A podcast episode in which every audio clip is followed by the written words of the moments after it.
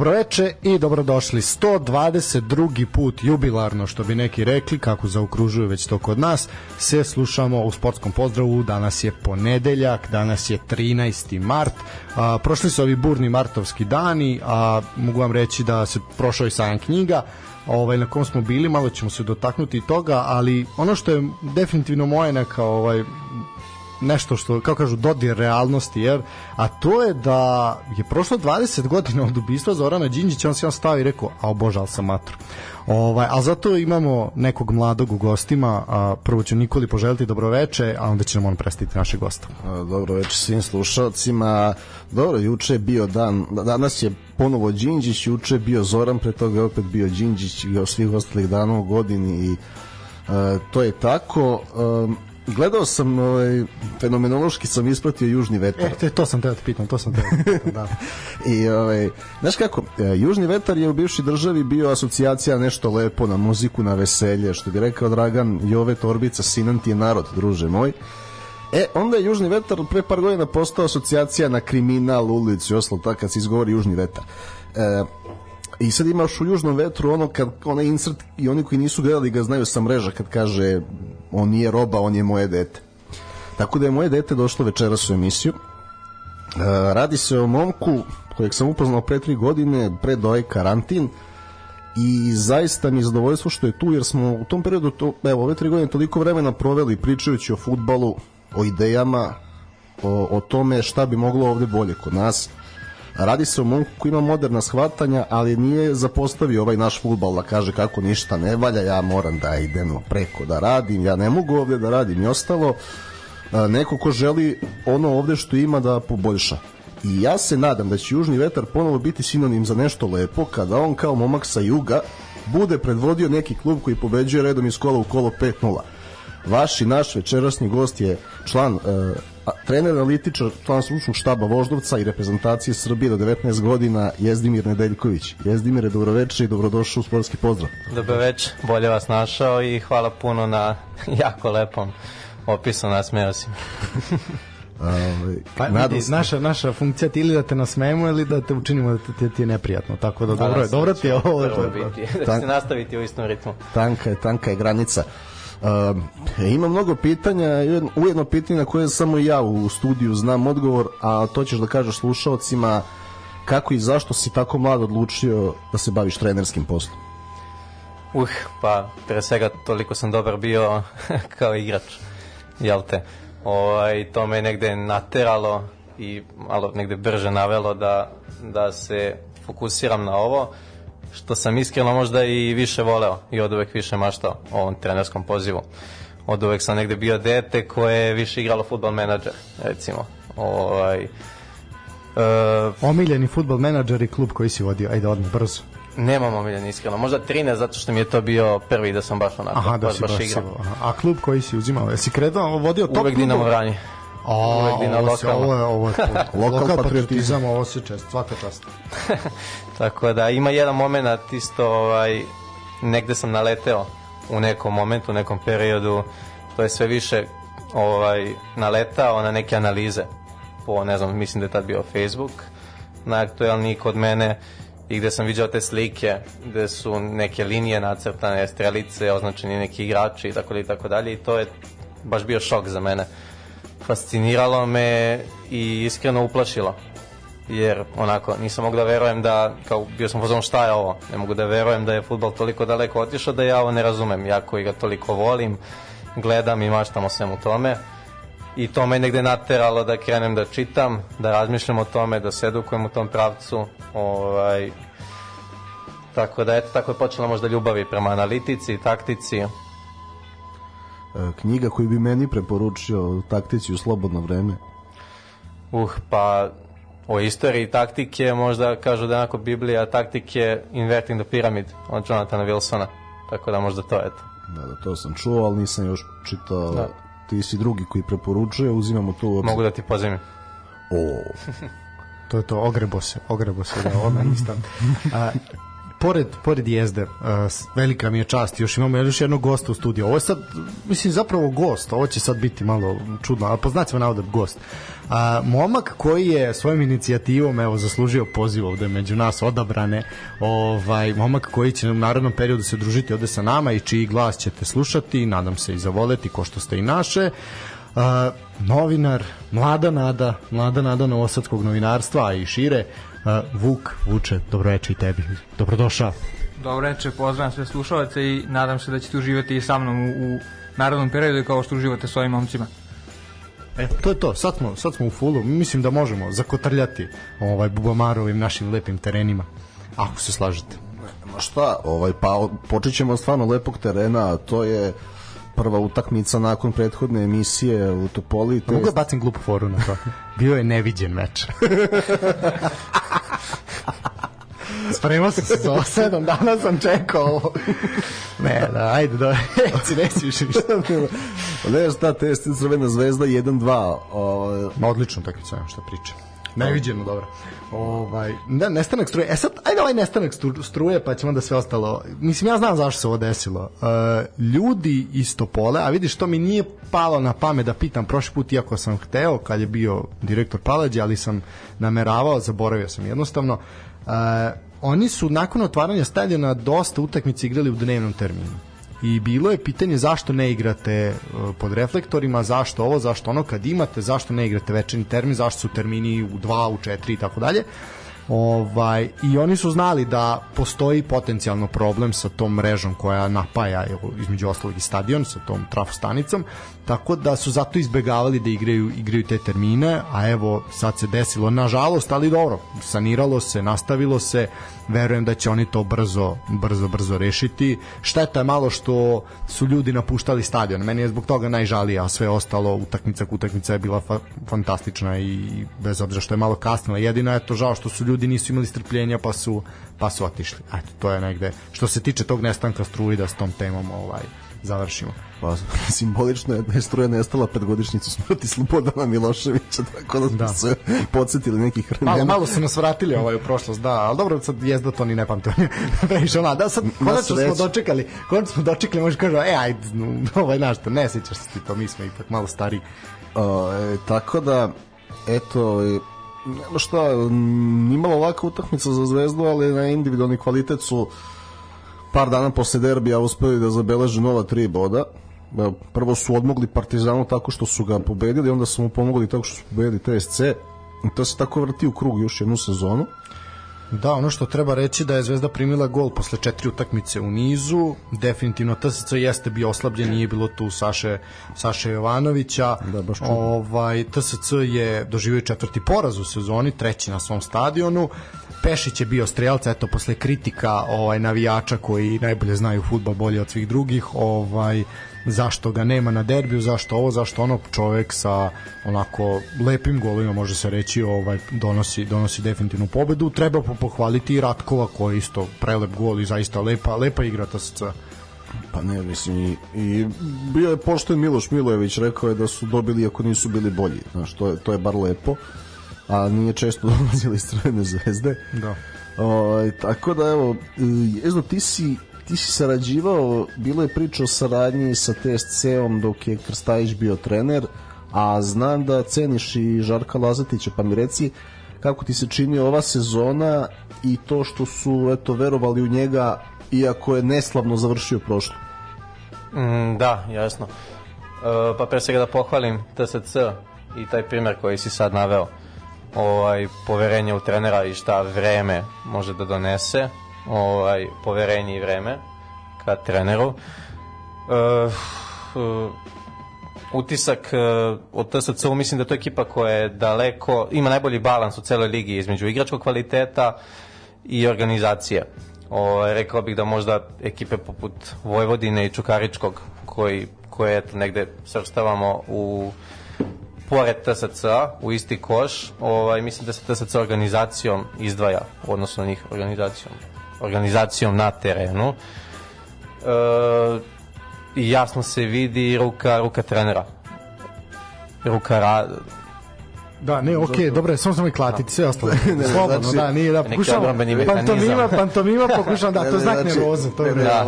nisi, nisi, nisi se navikao, nego znači samo nek ti glava bude ka mikrofonu, znaš. Slobodno, nije to Tamo. 21. veke, 2023. godina. Eno puno predstavnika, svi su ovi što su takmičili za pesme Eurovizije. Svi, nije to uopšte, nije sramota priznati, znači, slobodno, mi se plašiti. Ovaj, ne, evo, gde smo stali? E, evo, evo ne, ovako ja ću da Stanislav je naveo podatak da su četiri utakmice tri izgubili na domaćem terenu. E sad, pitanje za tebe s obzirom da su protiv večitih dva puta ostali neporaženi u Beogradu, da li misliš ovako da e, Lazetić možda i dalje ima malo problema ovako stručnije, kako meni to deluje laički, u negativnoj tranziciji kad igra kod kuće da ima više problema da, je, da mu je lakše ugroziti gol tada nego kada ode u goste igra nešto obazrivije. E, pa ne znam, iskreno nisam primetio da imaju taj problem. Ovaj, generalno što se tiče i tih utakmica protiv večitih rivala TSC, drago mi je da je neko konačno ovaj, suzbio možda taj stereotip, da ga tako nazovem, da se protiv njih ne može. I mnogo mi je drago i što je ta izjava koju sam malo pre spomenuo Miloša Milojevića došla iz tabora ovaj, Crvene zvezde. Ovaj, e, evo, pomenu s- da oko što se tiče Milojevića, ono što me zanima, kako ga ti vidiš, znamo za neke naše drugare da su, da su bliski sa njim, da su ga pratili. Da li si ti gledao onaj Hamarbi? Slučajno, možda Pa nisam, u Evropi. nisam. Zato što me... Možda Malme malo. E, mal, e, e, zato što deluje mi, e, znamo da Milojević da je drugačiji od ostalih zvezdnih trenera do sada, da mnogo zna. Da li ti se čini zbog momenta u kojem je preuzeo tim i možda da da ovde ne želi da sprovede određene ideje, da se, da se on adaptira na sredinu umesto da traži neki svoj put. iskreno više mi deluje da, da ne može nego li da ne može bar u ovom trenutku i da mu je jako otežano i da trenutak da nije bio pogodan i generalno atmosfera u Zvezdi je takva da je mnogo lakše treneru sa imenom ovaj kako ima iz Dejan Stanković. Ovaj baš sam slušao neki podcast Adriatic, ovaj Marko Marko Jović naš drugar sa Twittera. O, e, pozdravit ćeš ga ako ste još u kontaktu. Apsolutno, apsolutno veliki pozdrav za Mareta. E, on je rekao stvar sa kojom se ja izuzetno slažem i o kojoj sad upravo ovaj, pričamo.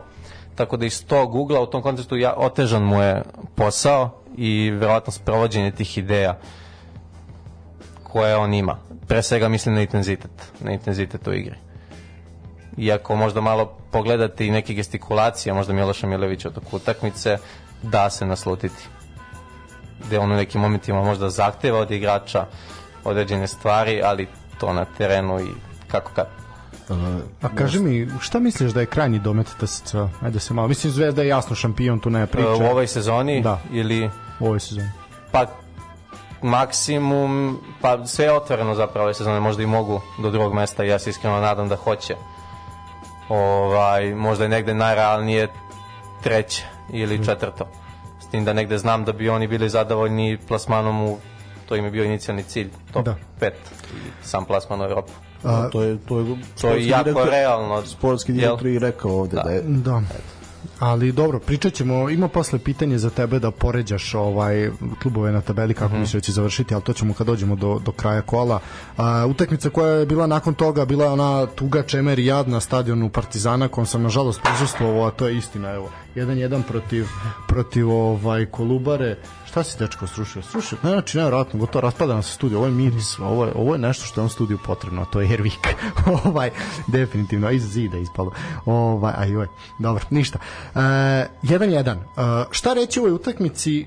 identično, ali identično preslikana utakmica kao protiv radničkog iz Kragujevca, isto 1-1. Jedino što treba reći da uh, je Natko postigao 26. gol iz penala iz isto toliko pokušaja, to je ono što je fascinantno, ukupno njegov 50. pogodak uh, u Partizanu, što je zaista zaista lep podatak, a ovo što se tiče 26 od 26, ja ne znam da li je to da li je neko neko ovaj toliko toliko puta bio precizan. Mrkić je postigao gol za 1-1, nema šta, Partizan je opet bio loš u drugom delu, jednostavno Kolubara je bila bolja i mogli su i više, ali dobro. Uh, 1-1, šta sad, tako je kako je. Uh, kako ti se čini, ovaj, ajde da pitamo sad sa te strane, ovaj, Natko je sad ajde već i u godinama i sve, ali je i dalje ozbiljna, ozbiljan igrač za, za ove naše prostore. Apsolutno se slažem, apsolutno se slažem, eto i taj podatak oko penala dokazuje jel ti da penali nisu lutrija. Ovo, jel Znanje, da jesu, verovatno bi neki promašio od tih 20 i koliko ih već ima. Ovo, tako da jako cenim Natka.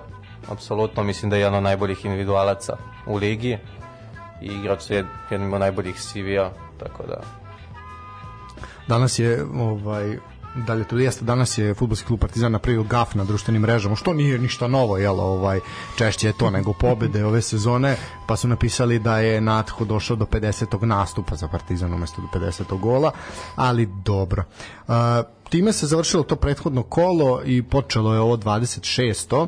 a 26. kolo počelo je u Kragujevcu na uh, utakmicom radnički i napredak i mogu vam reći da je teren bio u jezivom stanju i da je definitivno taj stadion vapi za rekonstrukcijom potpunom.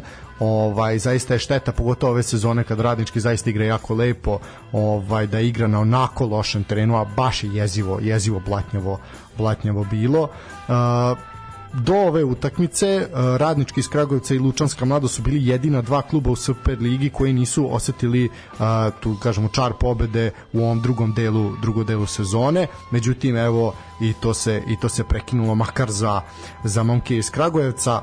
Bili su bolji, bili su motivisaniji, 3:0 na kraju zaista zaista zasluženo. Ono što treba reći da je Vasilije Đurić eto postigao svoja prva dva gola u dresu Kragujevca što je zaista pohvalno. Negde došla na naplatu ta dobra igra koja je definitivno prisutna u drugom delu sezone.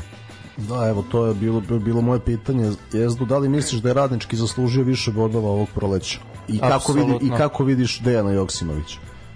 Apsolutno mislim da su zaslužili prikazanim igrama dosta više. E, što se tiče Dejana Joksimovića, mislim da je jedan od boljih trenera u ligi. E, mislim da im je, malo pre smo spomenuli, eto, teren. Rekao bih da im taj teren ne pomaže ni malo i da nije u skladu sa njihovom idejom igre. E, znam da i trener Joksimović, oni predaju značaj, ne znam, i build-upu, i Baš je, baš je Žarko Lazetić pred utakmicu s njima dao izjavu o njihovom korišćenju bekova. Da, uvlače bekove unutra.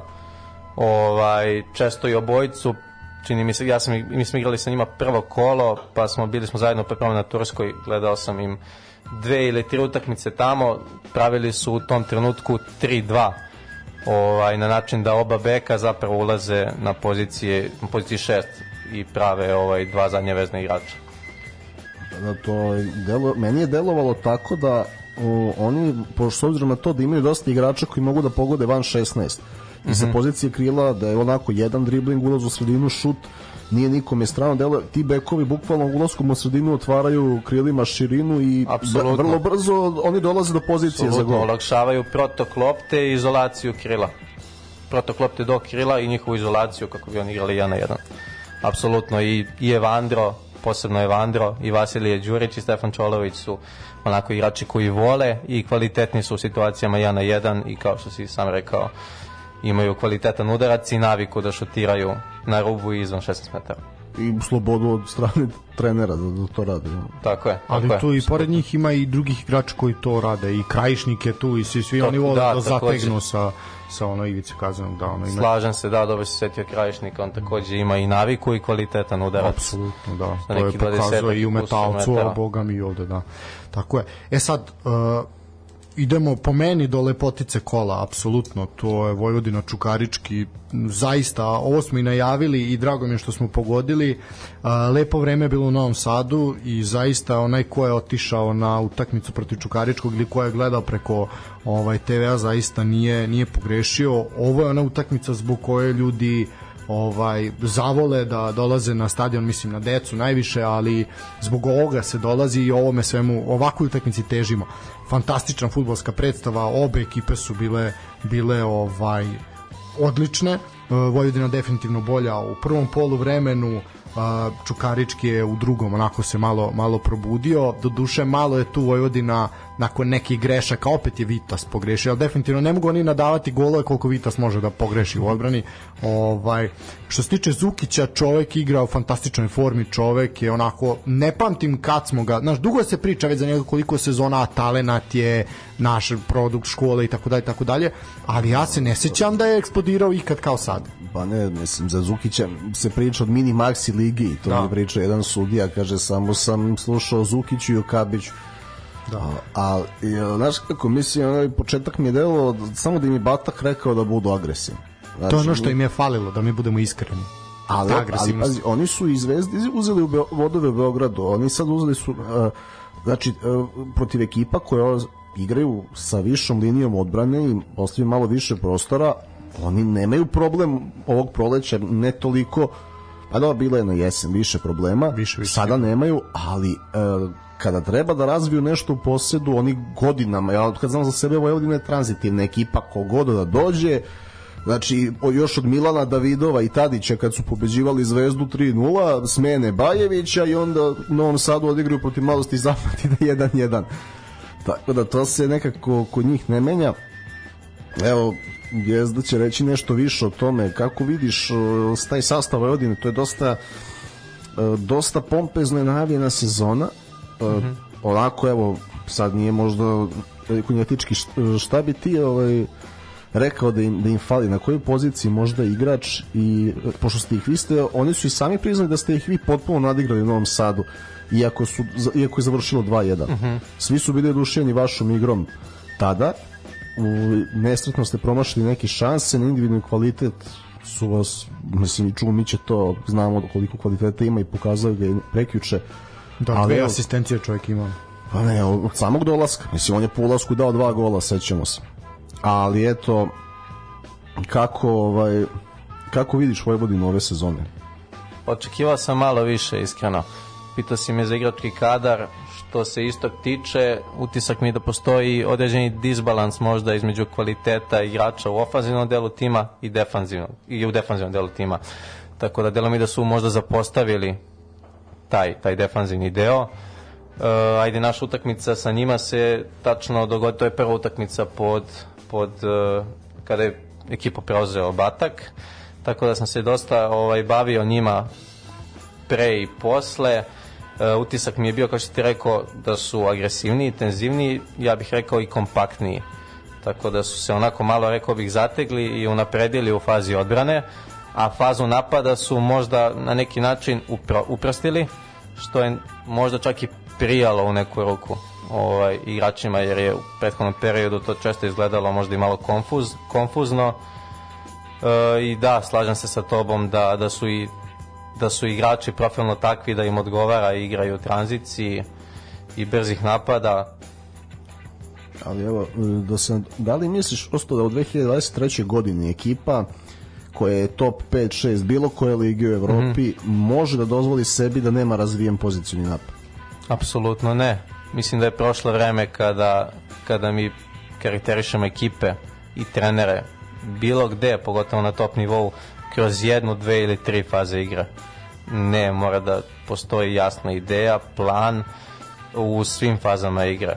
Ovaj, čuo sam jednu zanimljivu stvar od, baš od Ilije Stolice. On kaže da se danas, danas igra organizovani futbal. Nema više poziciona igra ili tako nešto neorganizovani futbal. Tako da priča mora da bude zaokružena i slažem se sa tobom da mislim da je to čest problem naših ekipa ovaj, često padamo na toj e, organizaciji napada i šta kada se mi pitamo, šta kada mi treba da stvorimo nešto, a naspram sebi imamo protivnički blok. To, to Što se tiče, samo ajde da, što se tiče ovoga, ja, neke, neka zapažanja. Čumić, nema šta, ovaj, dve asistencije, a, jako loša utakmica Pankova u prvom delu, Ovaj, a ovo sam krenuo za Zukića, čovjek je toliko pun samopouzdanja, toliko je ono poletan, toliko je na tom nekom piku da je ono u jednom momentu pokušane makazice koje ono nisu tako slavno završile, ali ono vidiš kad se osmeli na takav potez jednostavno da da puca od samopouzdanja. Ovaj Uroš Nikolić je to čovjek došao do pogotka neverovatno taktički ovaj tehnički pardon po meni možda i najsavršeniji igrač u, u tom u toj ekipi. Ajde možda pored Čumića.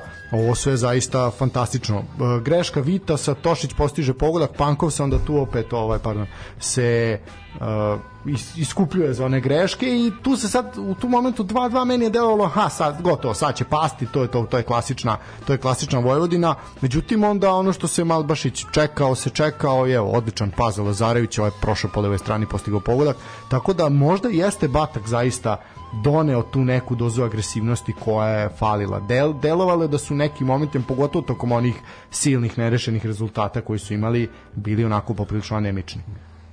Slažem se, apsolutno. Ne, meni, meni deluje, ne znam šta je Kerkez očekivao zapravo u tom prvom polovremenu, kao da ga iznadilo što su agresivni. Pa, seti se prve utakmice Čukaričkog i Vojvodine, onih najlakših 2-0 u istoriji ovaj, Banova brda. Da, znači gde ih je Badamosi rasturio. Kad smo kod toga Badamosi bez 16 utakmica bez pogodka. Ovaj zaista sad već onako malo kritično postaje. Ovaj Ovusu je bio fantastičan. Ovusu ih je onako baš je mučio, ovaj ali dobro, kažem, imao je i Simić šansu dva puta i sve to na kraju po meni svakako Vojvodina, Vojvodina bolja. Ono što treba reći da ljudi koji su kupili kartu protiv Čukaričkog imaju besplatan ulaz ovaj, na Karadžođu protiv Partizana, tako da je to jedna a, zanimljiva akcija futbolskog kluba Vojvodina da opet pokušaju da što više navi, njihovih navijača bude bude na Karadžođu duelu sa Partizanom. Da. Što verovatno opet neće uspeti, ali nema se. da su svi na nivou predsednikovog marketinga da bi kraj bio. Da.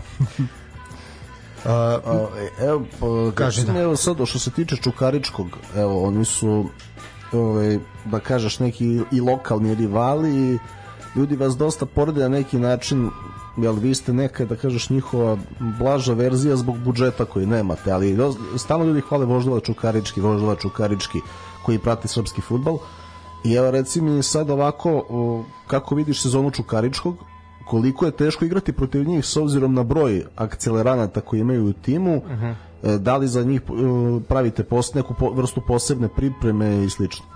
Pravimo za svakog, za svaku utakmicu se posebno spremamo, jel te? Više, je proformulišem, da li je to ono, da li dođe onaj osjećaj, uf, sad čukarički, ono, da li... Pa ne, mi smo svi u klubu i u stručnom štabu onako dosta pozitivni i radujemo se svakom novom izazovu i posebno tim malo većim utakmicama, da tako kažem. E, sezonu Čukaričkog vidim malte ne kao i svaku prethodnu. Oni su uvek tu, ovaj, jel te, treći, četvrti, kako kad provladava individualni kvalitet i dosta širok roster. Da, uvek i 3-4 izmene, uvek zapravo mislim da su im izmene donele najviše bodova kroz sezonu kad gledam. Evo. Pa jesu, pa vrlo moguće. I ovom drugom delu Lučić da, i ovo da. Pa konstantno, konstantno im dolaze do pobjeda na taj način. Sad da me pitate da ja izdvojim najboljih 11 ili prvih 11 Čukaričkog, možda mi padne na pamet svega par igrača koji se onako ovaj možda izdvajaju, ali suštinski oni imaju onako poprilično uh, jed, jednakih 15 igrača, možda i više. Pa da, mislim ti imaš tu m, baš je Kerkez rekao, s obzirom pitali su ga za Badamosija, što ga nema, mm -hmm. već, jel, ovaj, 16 kola čovjek nije dao gol. Ali ne bih rekao da ga nema. Ne, Sad sam se pogotovo bavio njima jer sleduje nam utakmica, jel te? On, on ovaj, ima on svoje... svoje veliki uticaj njegov na igru. Tako je, ali nema, nema golgetarskog učinka. Da. Ovaj, ali onda tu i Kerkez rekao da će, na primjer, čoveka kog smo mi potpuno, a mogu reći malo i zaboravili dok ga nije spomenuo, to je Agan Spahić čovek koji mm takav čovek sedi na klupi, ovaj da će dobijati dobijati šansu definitivno. Ovaj a Izvini, molim te što te prekidam da. i samo bih dodao, imaju i Mihajla Spasojevića, tako je, koji tako je omladinski da. reprezentativac Srbije. Tako je, da. I njega isto, i njega isto spomenuo, tako da, znaš, imaš ti, ono, bukvalno na svakoj poziciji imaš po dva ili tri igrača koji, mm -hmm. ono, da mogu mm -hmm. da mogu da odreaguju i da donesu tu neku prevagu i neki kvalitet. Zato te izmene i verovatno, znaš, može se to možda ovako ishvatiti da je možda pritisak tu možda preveliki na tim momcima koji su startovali, onda uđe ovi sa klupe koji su malo opušteni i to prođe. Tako da, da, jako je teško i iz ugla nekog trenerskog imaš mnogo nezadovoljnih igrača konstantno. Da. Samo 11 mogu da igraju. Pa Da. onda i kada nekog mora da izbaciš da bi neko drugi ušao, možda i ljuč da, Da, igra da, 67 da. minuta, a ne 90. Pa da, to je ona, ona priča da voliš trenera samo dok igraš. Znaš, Tako je. to je ta-. Dobro. E, taman ovo što se spomenuli Badamosija, a, evo malo ove, moraju i slušalci da se naviknu na današnji futbal, a to je da napadač može da bude stalno koristan iako nije strelac i ovaj, da mi, znači, nekako me ova m, sezona Badamosija s dobrim startom i lošim nastavkom malo podsjeća na sezonu Gabriela Jezusa u Arsenalu, do duše Gabriel ima i povredu, vraća se brzo, nadam se tamo pred Manchester City da, da ovaj, da to bude prava utakmica. Malo da pojasniš to, šta se danas uh, traži od devetke, e, šta vi najviše tražite od devetke, a posle ćeš se nadovezati kad budemo došli na vašu utakmicu malo i na Harisa Kadrića. Ali eto šta, na primjer, šta konkretno ti voliš kod devetke i št, generalno treneri sa kojima si radio, a znamo da imaju drugačija shvatanja. Da, napadače uvek svi gledamo kroz prizmu golova, ali slažem se da se u posljednje vreme to promenilo i da ta uloga iziskuje ovaj, da to tako nazovem, mnogo više timskog rada i uključivanje sa igrača oko sebe u igru.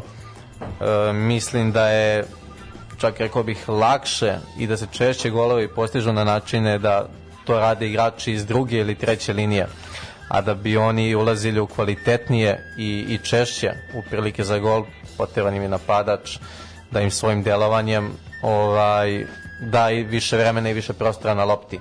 Da li je to kroz saradnju, da li je to samo nekom kretnjom kojem im on ovaj, skreće pažnju na sebe i otvara određeni prostor ali suštinski apsolutno ovaj, da, da, da dosta toga ide, ide na njih i što se tiče uključivanja ostalih saigrača ovaj, oko sebi stvaranja i igre za tim. Dobro. A, što se tiče e, dalje, ajde, e, utakmice koje su se dešale, mislim, Spartak, Mladost, Gat, ono, to baš tu nemam šta da kažem, ovaj, to je 0-0. Kako je- nema? Ima jedna Dragan- stvar, Dragan Šarac je ne, izdao samo, samo, Nenada polako, samo polako. kako nema? E, što se tiče utakmice nema ništa. Što se tiče Nenada Lalatovića, to smo zatrpani. Ono što se tiče utakmice, jedina stvar koja je vredna spomena, a to je da je Šimura odigrao 150 mečeva za Spartak i zaista svaka čast, momak onako bez bez mrlje, eto tu je već tolike godine i zaista je i kvalitetno, kvalitetan ovaj igrač u, u ekipi Spartaka, zaista im znači mnogo, tako da zaista eto čestitamo, lep jubilej, ovaj zaista. E sad što se tiče ovaj imao je Gat više šanse na ovom meču, u dva navrata je ovaj Kristijan mogao da ovaj postigne pogodak.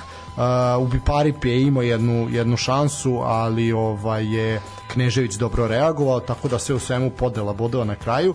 E sad, što se tiče uh, Gata uh, i te izjave Lalatovića, uh, Lalatović je predstavljen bio u Novom Sadu i onda je pojavila se informacija kako on nije došao na svoju na svoje predstavljanje. To nije bilo predstavljanje, to je bila konferencija za medije pred utakmicu sa Spartakom.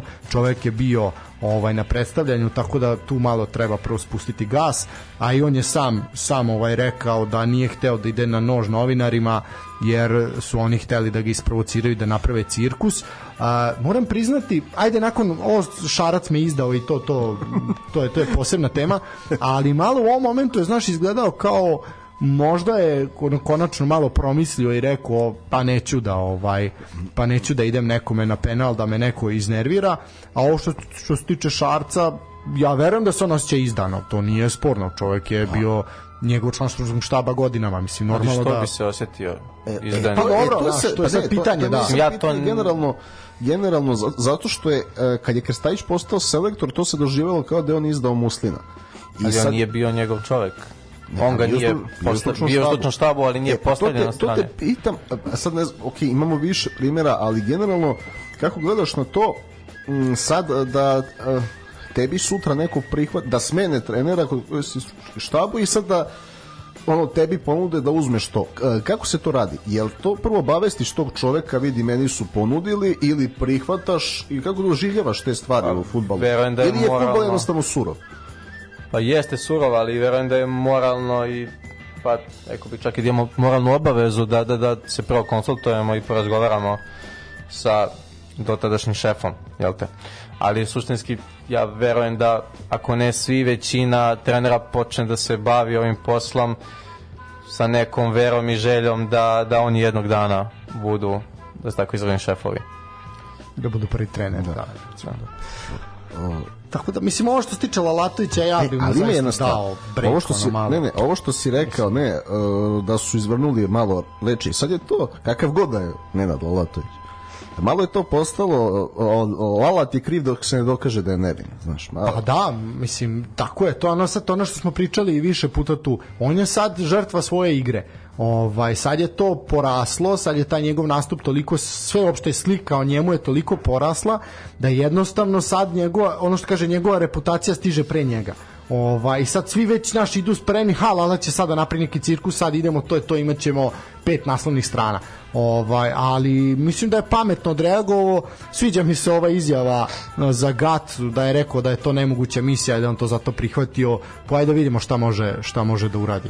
Ovaj tako da ali onako, malo je ovaj Aleksandar Gvozdić nije toliko iskusna porterka Arene Sport mislim da još nije zrela da uzima izjave Nenad Lalatović ne, mislim- ne, ne, bila je malo šokirana ovako kao Ne, ne, ne, ne. pobaci kao šta će da bude sada Ne, ne, nije, mislim da je sve sve je bilo na mestu i dobro je dobra pitanja je postavila. Ne, ne, nije ona, da- ne, nije ona pogledaj, ja ti kažem samo da, da je onako bilo kad je ulazila, kad ga je najavljivala, bila je onako kao šta će sad da Ali, kaže. pa to je to, to je to, znači njegova reputacija je sad govori mesto njega i sad svi imaju on taj neki otklon prema njemu jer naš ne zna šta budala može da uradi. Ime, mi nemamo i zovemo ga da dođe. Mi nemamo, da, mi ja ja da čekam da dođe ovde, znači to vidi, to to spremite se na dva A sata Pa ja mislim da to ne može ovde, ja mislim da moramo negde da sednemo. To, Ne, ovde ćemo sesti, nećemo ali ne, da to. ne, ne, posle idemo. Mora ne. biti u kontrolisanim uslovima. Ovaj definitivno. E, ali pitanje za sve u studiju. E, koji će biti deseti klub Super Lige koji će preuzeti Nenad Lalatović kada Kažem. obori rekord RFK Novi Sad, vidit ćeš. kad, kad ovi uđu u ligu, evo, piš, to će biti istorija što sam E, najavio. e, vidi, imaju stranice ovaj naših poznanika iz Novog Sada, da ih ne imenujemo po Instagramu, koje nastupaju malo kontra ovih šablonskih partizanovih stranica koje ga prizivaju. Ne, A verujem. znaš ne, a znaš deseti pa još partizan. Neće, neće biti sigurno još neko vreme, ali definitivno Neko, ali bilo bi onako simbolično. to je to, to je mrtvački sanduk u Kovčegova JSD Partizan. Ali To pom- definitivno Evo, Lale kaže da ga navijači partizana obožavaju. Pa istina je, obožavaju ga, toliko mu posvećuju pažnje da to nije normalno. Ovaj, ali definitivno ja verujem da ako Gat ispadne, a RFK uđe, što je jedan od scenarija koji je vrlo moguć, da će on samo sesti, preći sa satelita na detelinaru, da je to, da je to definitivno. Pazi, bio bi to, to su već milioni ljudi koji su to izveli, ništa to novo nije u Novom Sadu. Tako da što se toga tiče, da, treba reći da izjednačuje rekord Zorana Kize Milinkovića, devet klubova u Superligi, zaista svaka čast, ajde vidimo. Mislim sigurno kako je ovim tempom će i 10 biti, i 11, 12 i 15. Tako da, definitivno nek, nek vodi celu ligu i da završimo. Da. Gde, gde god se napravi novi stadion, mislim da će biti tu. Definitivno, Pazi, on je, sigurno. pazi, ljudi zaboravljaju da on, koliko, koliko lale, on ima tek 45 Tako nešto. godina. Nije on, da, on je mlad krenuo. Znaš, ne, 45 do 47 ima, nema, preko 47 nema. Mislim da je 77 godište. 45 ima 77 da. Tako je, to je to. Znači, vidi. Znači, ovaj, Da probamo da stavimo samo to pozitivan kontekst. Ima jedna njegova izjava. Ajde, pa evo ti svaka aj probaj. Ima jedna njegova izjava gde on kaže kako ne razume svoje kolege koji su bili na bili jel te treneri u Zvezdi i Partizanu Dobro. i koji koje posle tih angažmana više nema u srpskom fudbalu.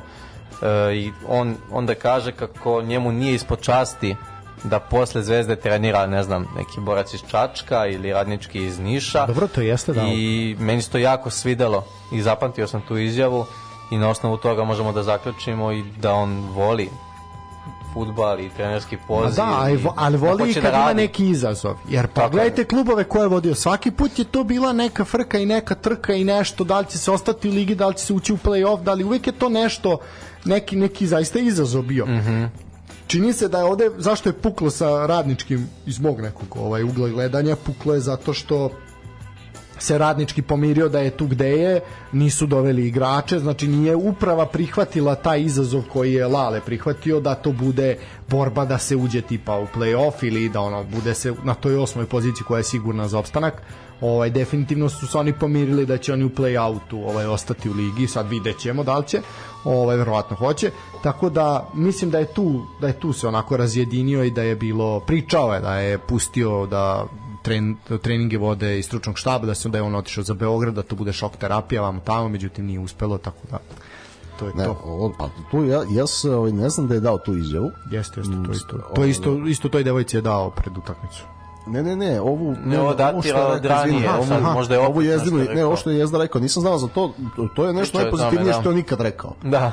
što se mene tiče, a dobro je to rekao zato što eto ljudi o kojima smo ovde mnogo puta pričali kao navijači Partizana koje volimo, koji za koje sve ima mesta u fudbalu, ja tvrdim, koji ne mogu da se smisle, hoće da budu treneri, neće da budu treneri, hoće da budu ovaj funkcioneri, hoće da budu investitori, hoće ovo, hoće, razumeš, ono I, I svaki od njih je u nekom momentu na klupi pokazao neku trenersku isru u smislu nekog talenta, razumevanja igre kroz igračku širinu i to, ali se niko metodološki do kraja nije posvetio poslu i onda se desi to što se desi uz jel, negativne okolnosti oko kluba. Tako da, ovaj, ja se samo nadam da bilo ko iz Gata ovo sluša i da, evo, Lale je dobrodošao, to zna, jedva ga čekamo i da mu prenesu to pre nego što uputimo zvaničan poziv za dolazak. Ne, definitivno, Lale mora ovde biti gost, to ćemo smisliti kako znamo i umemo, na neku prevaru ćemo ga kidnapovati, nešto ćemo uraditi. Jer ovaj, nis, koliko god da mi nismo veliki, ali smo jedini podcast koji se bavi Super Ne. a on je trener koji je simbol Super ligi. A ne, ali mi moramo smo da njegovi se- najveći poštovaci. Mislim da ga niko ne poštuje ovako ko što mi, nikoga nije prizivao da se vrati kad je otišao u te Arabi. i Samo mi, samo mi Instagram stranica Tole Tips. Da, definitivno to. je. Samo što mi smo malo bolji, I recimo. oni. Partizana. A, e, sad dolazimo do u stvari ajde još jedna 0-0 utakmica Radnik Javor, tu neću ovaj ništa reći. E, posebno Radnik je bio konkretniji, jurili su pobedu ali eto na kraju 0-0 ovaj, tu se zaista nema šta puno nešto prokomentarisati. E, pa bih se ja prebacio u Niš i na utakmicu između Radničkog i Voždovca. E, najzanimljivije je definitivno bilo u Nišu ove dve prve 0-0 ovaj, nećemo, nećemo prokomentarisati Vratili ste se sa celim, celim plenom u, u Beograd, radnički definitivno u krizi, kriza se ta i nastavila, šest vezanih kola ljudi ne znaju za pobedu, samo su dva boda u tom periodu osvojili, uh, zaista onako borba za opstanak, a vi evo pobeda prvi put posle pet uzastopnih mečeva. Da, nismo ni mi dugo znali za pobedu i eto srećom izašli smo kao pobednici iz tog duela. Nije čest slučaj da, da se Voždovac vraćao iz Niša Da. sa celim plenom i bez obzira na stanje radničkog mislim da je to svaki put teško gostovanje iz više razloga. E, tako da jako smo zadovoljni. Možda smo se eto nadali i hteli da, da to možda da ta pobeda bude ovaj dominantnija sa više kontrole u igri, ali kako bi ljudi rekli pobedi se ne gleda, ne gleda u zube. Mihaj- Opet jako lep prvi pogodak koji mogu da kažem iz modela nakon auta koji vežbamo koji radimo ovaj, i nakon toga desili su se određeni mehanizmi koje koristimo da protiv odbrane čovjek čoveka ko, sa kojim je Niš, jel te, kako je Niš igrao i nakon toga dva pogotka iz, nakon uigranih akcija iz prekida. Mhm. E, tu, tu sad bi se zustio za trenutak, ali Mihajlo Nešković stvarno igra onako, ima lep moment, ovaj, lepo igra u prethodnim kolima. Haris Kadrić, e, prvi gol u Voždovcu, čekao se, boga mi se čekao dugo, ovaj, i kako ti vidiš takvog, takvog napadača i koliki uopšte ovaj, kalibar Kadrić i koliko on može uopšte u našoj I, ligi? izvini, i da dodam, alo, a, to je opet nešto neobično za Voždovac. Znači, špic koji nije imao ne znam kakvu polusezonu u Kolubari, koja je opet nešto ispod Voždovca, organizacijono, sistemski to, da se odlučite na taj potez da dovedete baš njega i šta ste videli u njemu da vam odgovara za ovo proleće. Videli smo neke od stvari kojih smo se malo predotakli. E, takođe, on mentalno i karakterno je igrač koji se uklapa u, u klub i način na koji Voždovac fun, funkcioniše. E, ja sam mišljenja da špicevi najviše od svih igrača ovaj zavise od samopouzdanja. E sad, on nije imao u posljednje vreme kontinuitet e, igara i golova, tako da verujem da mu ovaj gol puno znači, jako mi je drago što ga, što ga je postigao. Sad, situacija je takva da najčešće igramo sa jednim, sa jednom devetkom, a imamo tri veoma kvalitetna napadača.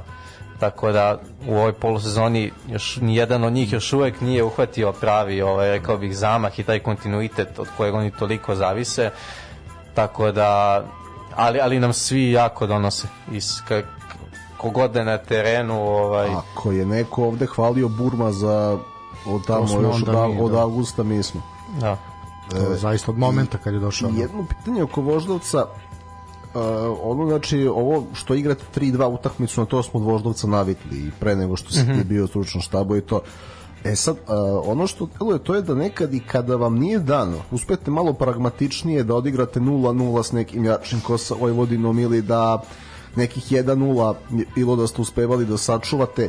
I sad, pošto znam da je želja u Voždovcu da se igra, da se stvara, reci mi, da li je to splet okolnosti koji vas natera ili neki pragmatizam u toku utakmice na koji ste se odlučili, ok, momci, sad povlačimo ručnu, mi moramo ovo da odradimo i da ostanemo u prvih osam i to je to. Pa to je splet okolnosti, ali ono što smo malo pre rekli organizovanom futbolu. Mi tačno znamo šta i kako hoćemo i kada nemamo loptu. I negde moramo da budemo spremni na faze u igri kada je nećemo imati. I utisak mi je, ajde, nisam bio u Voždovcu ovaj, prethodnih sezona, ali sam pratio i rekao bih da je to jedan moment novine, da, da je to možda nedostajalo nekih ranije godina. Možda određena ovaj stabilnost i, i, kada, i kada nemamo loptu pa i da izvučemo nešto iz utakmice u kojoj smo i nije nam dan i da smo u podređenom položaju. Jasno. A, ajde ono što treba reći Đurđević je postigao postigao pogodak da. na kraju Ivezić je ovaj mada ne znam zašto su pripisali njemu ovaj ali dobro ajde ovaj tako stoji da Ivezić postigao autogol uh, Škrbić je bio strelac isto za za Niš to Škrbić nakon onog povratničkog gola dugo se dugo se čekalo da postigne postigne novi A, oćemo na dalje na Crvenu zvezdu pa da se vratimo pitanje vezano za Voždovac, može tako? Može, da. Dobro. A, Crvena zvezda proslavila je rođendan a, u stilu protiv Novog Pazara, 5-1 je bilo, zaista su deklasirali Novi Pazar. Uh, onako je malo bilo, a neće smešno, ali ovaj tragi komično što je Aleksandar Stanković primio uh, nagradu za trenera meseca pred sam početak utakmice i onda dobio pet komada, ali dobro, to je jednostavno samo pokazatelj još jedan put koliko je Crvena zvezda iznad svih ostalih. Uh, otišli su kratko na plus 21 u odnosu na Partizan.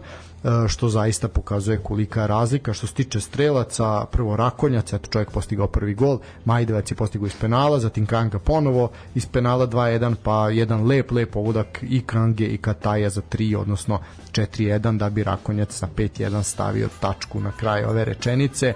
Zvezdini navijači proslavili rođendan, bila je akcija ovaj da što više ljudi bude na stadionu nažalost opet je to bila neka nako slaba slaba brojka za to kako smo navikli na Crvenu zvezdu. E sad, Uh, ajde malo pre smo počeli priču o Zvezdu, pa ajde sad na o Zvezdi, ajde malo više o Pazaru. Uh, ove godine su vam takmac za borbu za play-off i za ta mesta u Evropi. Uh, nakon onoga svega što smo mi videli na Zlatiboru i kad su se pripremali to sve moram priznati da je malo ko očekivao da će se ovako da će to sve ovako izgledati.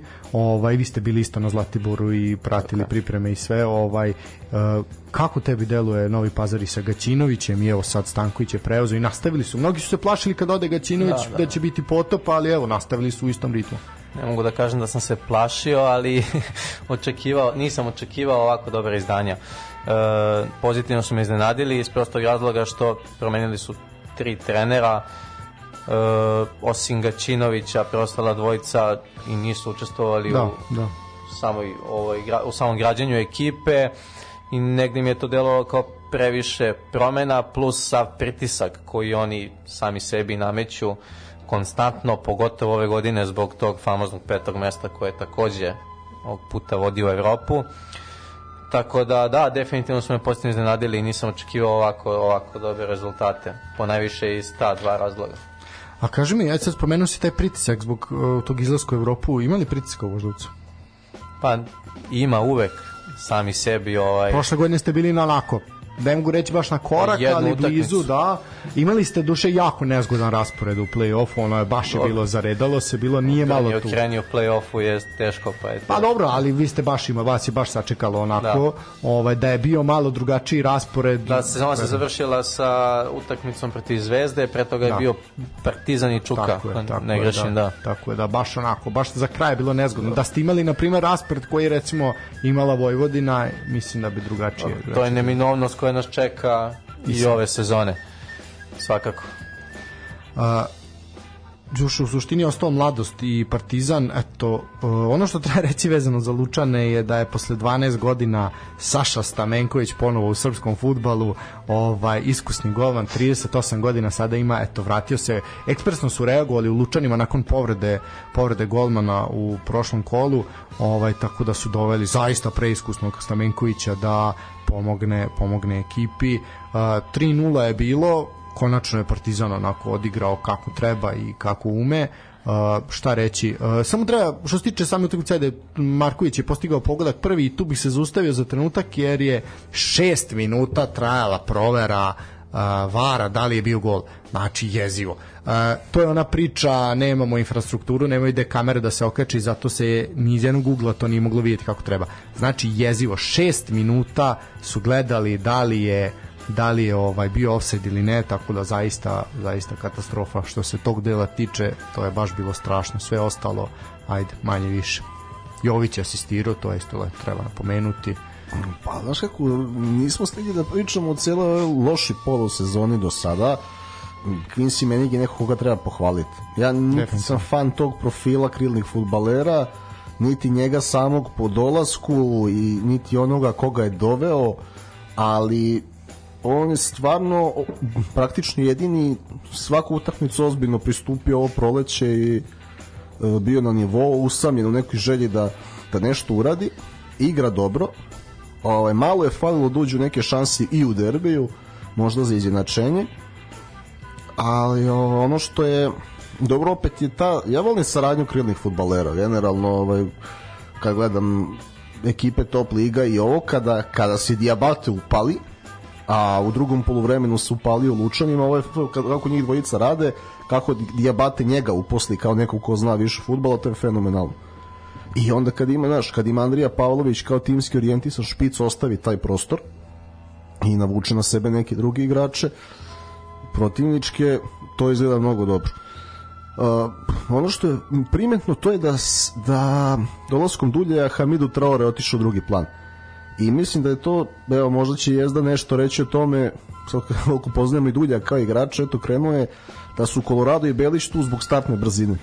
Tako mi deluje i da je krenuo i u derbiju, iako Colorado je, znamo da je kasno došao, nije prošao pripreme, Traore iako je bio koristan jesenas, deluje mi da ako je Dulja i čovek koji radi letnji prelazni rok se možda i neće zadržati u Partizanu. I ovo, ono što mi je drago to je da je Janko Jevremović debitovao, o tome sigurno To možeš, čekao da možeš da kažeš da. nešto više. Pa da izrazim samo veliko zadovoljstvo ovaj, zbog toga. E, usrećilo me onako, obradovalo me je, mislim da je to momak pred kojim je, se izrazim onako, svetla budućnost. I nadam se da ću u narednom periodu dobijati i češće i malo više minuta. A, eto, iz te generacije 2004. su Samet Baždar i Mihajlo Petković dobili šansu pre njega. A, sada je dobio i on, iako je već bio u protokolu nekoliko puta. Reci mi, kako ovako vidiš, koji su mu dometi i da li Partizan može da očekuje unosan transfer od njega i da li mu je možda dija, to što je baš sada tu jedan stranac ovako skup i od kojeg se mnogo očekuje problem ili dobro da uči? Pa dometi su veliki, ne bih se usudio da ga limitiram, ni pošto. E, nadam se da, da će se uprkos teškoj konkurenciji izboriti. I opet kažem, stvarno mislim da zaslužuje e, više prilika. Ja misliš da ima Apsolutno. 15 minuta u sebi onako da, da promeni nešto pred kraj? Trenutno, za, za nivo sada, pa već sada, to, to, ovaj, jer meni se svideo kad na Čele Milutić turniru kad igra sa svojom generacijom, ali ovo je, ovo je nešto drugo.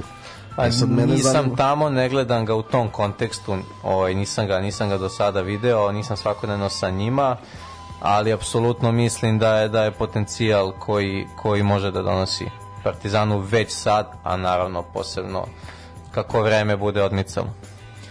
Ove, reci mi ovako... Ali mislim da mora da postoji moment kada se prebaci, ne seđa mi se to što se desilo Mihajlu Petkoviću, koji je najavljen kao next big thing i u jednom trenutku igra, počinje utakmice, da gol i narednih šest meseci niko više ne čuje za njega malte ne, mislim sigurno da nije ničim izazvano, ali moraju mlade igrači da se istrpe i mi jednostavno moramo da verujemo u njih i da im dajemo mnogo više prilika jer mi od njih živimo. Pa to je njega je, njega je zadesila promjena trenera u kratkom roku, Jovićev oporavak i dolazak Diabatea gde onda meni, gde se meni vratio na levu stranu. E sad moje pitanje je za Petkovića uh, ovaj, primetno je ipak kod njega da s fizičke predispozicije da je dobio šansu spletom okolnosti. Mislim da nije trebalo da bude starter, nego da ulazi postepeno. Mm, dobro. Da. A to je moje mišljenje. Ne, ne iako pa razumem logiku, a drugo, logiku, da. da li ga više dugoročno vidiš na krilu ili na osmici? Pa iskreno više kao osmicu. Više kao osmicu, ali jedan od glavnih kvaliteta mu je svakako i ta polivalentnost.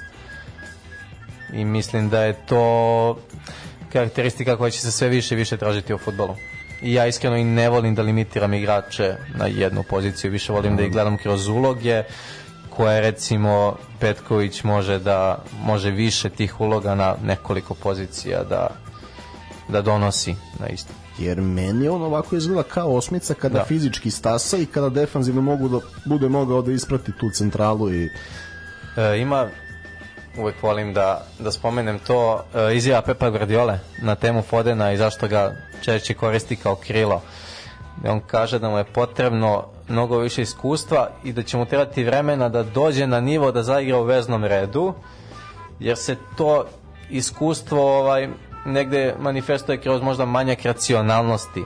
E, kad ne kapira ritam uh, do kraja ne može da vodi ritam utakmice, da diktira ritam utakmice, možda nekad žuri, srlja, tako neke stvari i zbog te direktnosti ovaj misli da mu još uvek nije vreme da bude unutra, kao suštinski vezni igrač, već ga, ne mogu kažem sklanja, nego stavlja na bok. I mislim da je negde slična situacija i sa Mihajlom Petkovićem i možda on u ovom trenutku može više na krilu, ali vremenom mislim da će kako se bude razvijao da da onako ovaj ima ima i veći možda plafon kao vezni igrač ofanzivni vezni. Oj, kad sam kod Fodena, ovaj, nije vezano za emisiju, da li si video sad Pepovu izjavu pre neki mesec što je rekao da, da ga je na treningu probavao i na levog beka? Nisam, ali sjajno. Ne, to je, nekog je pobe... to je ono Pepovo kad iznabija nekog 6-1 i onda kao E, ne, ne, posle, posle Uniteda je baš bilo, u stvari. Dobio šest jedni kao Phil Foden, hat ma dobro, mora još on da radi, evo, probao sam ga na levom beku na treningu. Verujem da si video izjavu Trenta, Aleksandra Arnolda, da on kaže, ja nisam desni bek, ja, ja igram futbal. Da. Mislim, negde je ovaj, otišao je futbol u pravcu da su pozicije sve manje manje bitne, kao i formacije. Više je stvar uloga, i, i u kojoj zoni terena šta određeni igrač zapravo može da, da donosi. Pa tako vidimo i Bernarda Silvu koji počne utakmicu kao levi bek, a zapravo je tu kako bi diktirao tempo i u nekoj prvoj, drugoj trećini ulazcima unutra i ordinisanjem poput zadnjeg veznog igrača. Počne, grafika ga prikaže kao levog beka, onda se mm -hmm. on invertuje kao bek u prvom poluvremenu, onda od 60. do 75. igra klasičnu šesticu ili osmicu da. i, i tu utakmicu je završio na desnom krilu. I, a opet branio se kao bek, bez a, lopte. E, bez lopte u četiri. Ono. Tako je.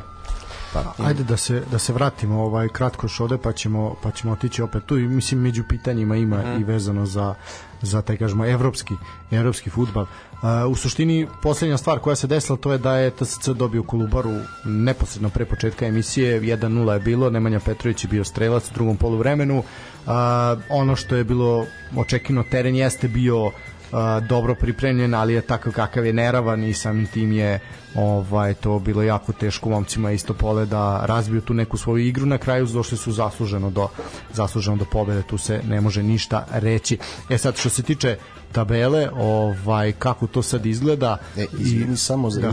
na ovo sam mislio kad ti ka, što sam te pitao prethodno oko TSC-a, opet se desilo da ne prime gol u gostima. A mm -hmm. kod kuće kao da kod kuće lakše primaju gol. Sad To je moj utisak. Dobro, moguće da su otvoreni. E, A Da, ali dobro i Kolubara je Kolubara je takva ekipa koja će teško probiti naš tu neku odbranu to je Svakako, isto da svakako. to jako A i na onom terenu koji si spomenuo, mislim, ja sam gledao 5 ili 10 minuta utakmice jer sam bio na putu Da. ka vamo i na žalost, na veliku žalost, to mi je glavni utisak. I onako frustrirajuće mi je, utisak mi je da smo počeli da uzimamo te terene zdravo za gotovo. Kao dobar dan nam je, a zapravo ne bi smela ta utakmica Naravno, ovaj, to je da ono- tog nivoa da se igra na To je ono što smo terenu. pričali kad god se dođe ili kod vas na krov ili kad dođu na, u Topolu pa da vidiš kako svi znaju da igraju futbal kad imaju na po čemu da igraju. Znaš, Znate ono kad kažu, o, kad pričamo o tome kome više odgovara teren, ja sam stava da ne može nikom da odgovara loš teren. tako je, ok, tako je. postoji situacija gde ekipi koja se brani, koja je reaktivna, e, recimo u ovom slučaju Kolubari, svakako da manje smeta kvalitet, to jest ne kvalitet tog terena, ali suštinski ja verujem da bi ti igrači Kolubare potpisali kvalitetni teren i da to ne može nikome da Apsolutno odgovara. svaki klub u ligi kad bi imao teren dobro kvaliteta pa recimo vašeg ili ili ovog u Topoli da A bi se idealno zaista... to poli jer je prirodna trava, ali suštinski samo da je Jasno je šta sam teo da kažem, da, jeste, što bi- jeste razlika, zapravo nije ni prirodna, nego je hibridna, ali ovaj, ali definitivno u smislu da je teren uvijek pripremljen, da je održavan, da je sve onako kako treba da bude, definitivno bi se drugačiji, drugačiji futbol gledao i definitivno bi bio mnogo kvalitetnije. Mnogo puta smo se upoređivali sa HNL-om gde je tu negde razlika i jeste u kvalitetu terena samo, manje više. Slažem se, to je neki faktor, ali ja kad sam bio sa strane, dok nisam, bi, dok nisam učestvovao u svemu tome, dok nisam bio unutar i pored terena, e, možda sam i ja negde taj faktor terena stanio po strani i mislio da je to možda nekad i alibi i ovako i onako, ali to je jedna od ključnih stvari. Iskreno, kad god odemo na stranu, ja imam utisak svi mi da jednostavno nemamo fair uslove, da nemamo regularne uslove. Ne uvek preterujem, Ali ali, odete u da. Surdulicu, odete u Lazarevac, odete u Lučane, da ne imenujem dalje. Zaista Pa mislim dobro, da, da ne Subotici smelo. zna, mislim da, imaš od 16 kluba u ligi, ono 10 ima Ali evo sad smo otišli u Niš i komentarišemo teren. I ja uhvatim sebe kako sam u fazonu, pa dobro, bili Nije smo loš, i na da, gorim mislim, terenima, a teren je blago rečeno.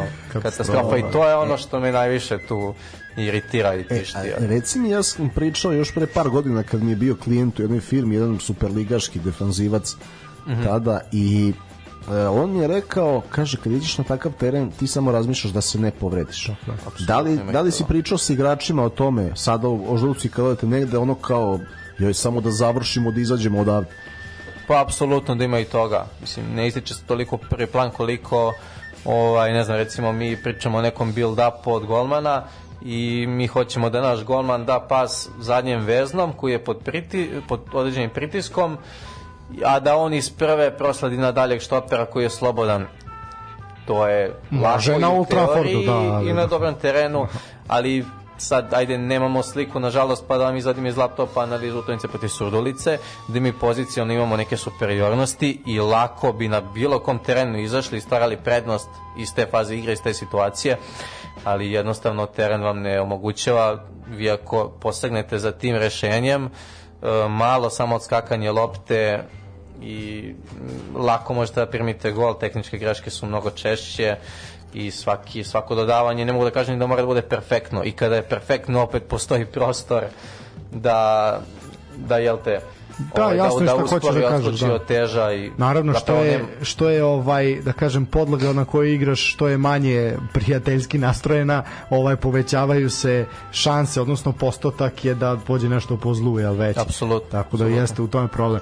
E sad e, bilo je pitanje za tebe, a sad kad pređemo na tabelu, eto ću te moliti da odgovoriš na to prvo pitanje, Mhm. a to je da poređaš ekipe od drugog do devetog mesta, odnosno klubovi koji će biti u play-offu i koji neće.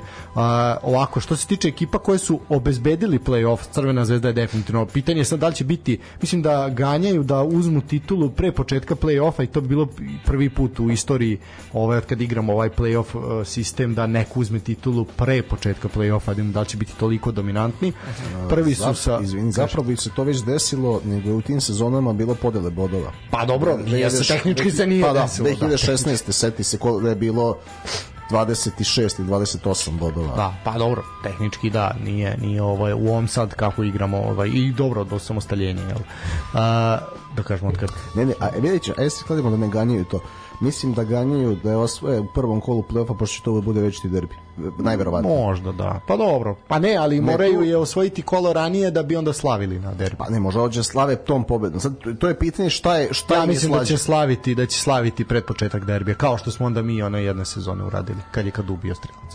Ma to je to definitivno će tu tu E, tu pa zameraju tako, to. tako će Igor Dulje da ih pobedi Ma neće, ali ne veze. Ovaj prvo prvo mesto 72 boda, drugi je Partizan sa 54, treći je TSC sa 52, četvrti Čukarički sa 50. E sad tu se zakuvalo, tu borba za drugo mesto je ovaj onako otvorena s obzirom da je Partizan kiksnuo nekoliko puta, tako da je omogućio ovim klubovima da ih stignu. E, Vojvodina peta s 46, šesti Novi Pazar sa 44.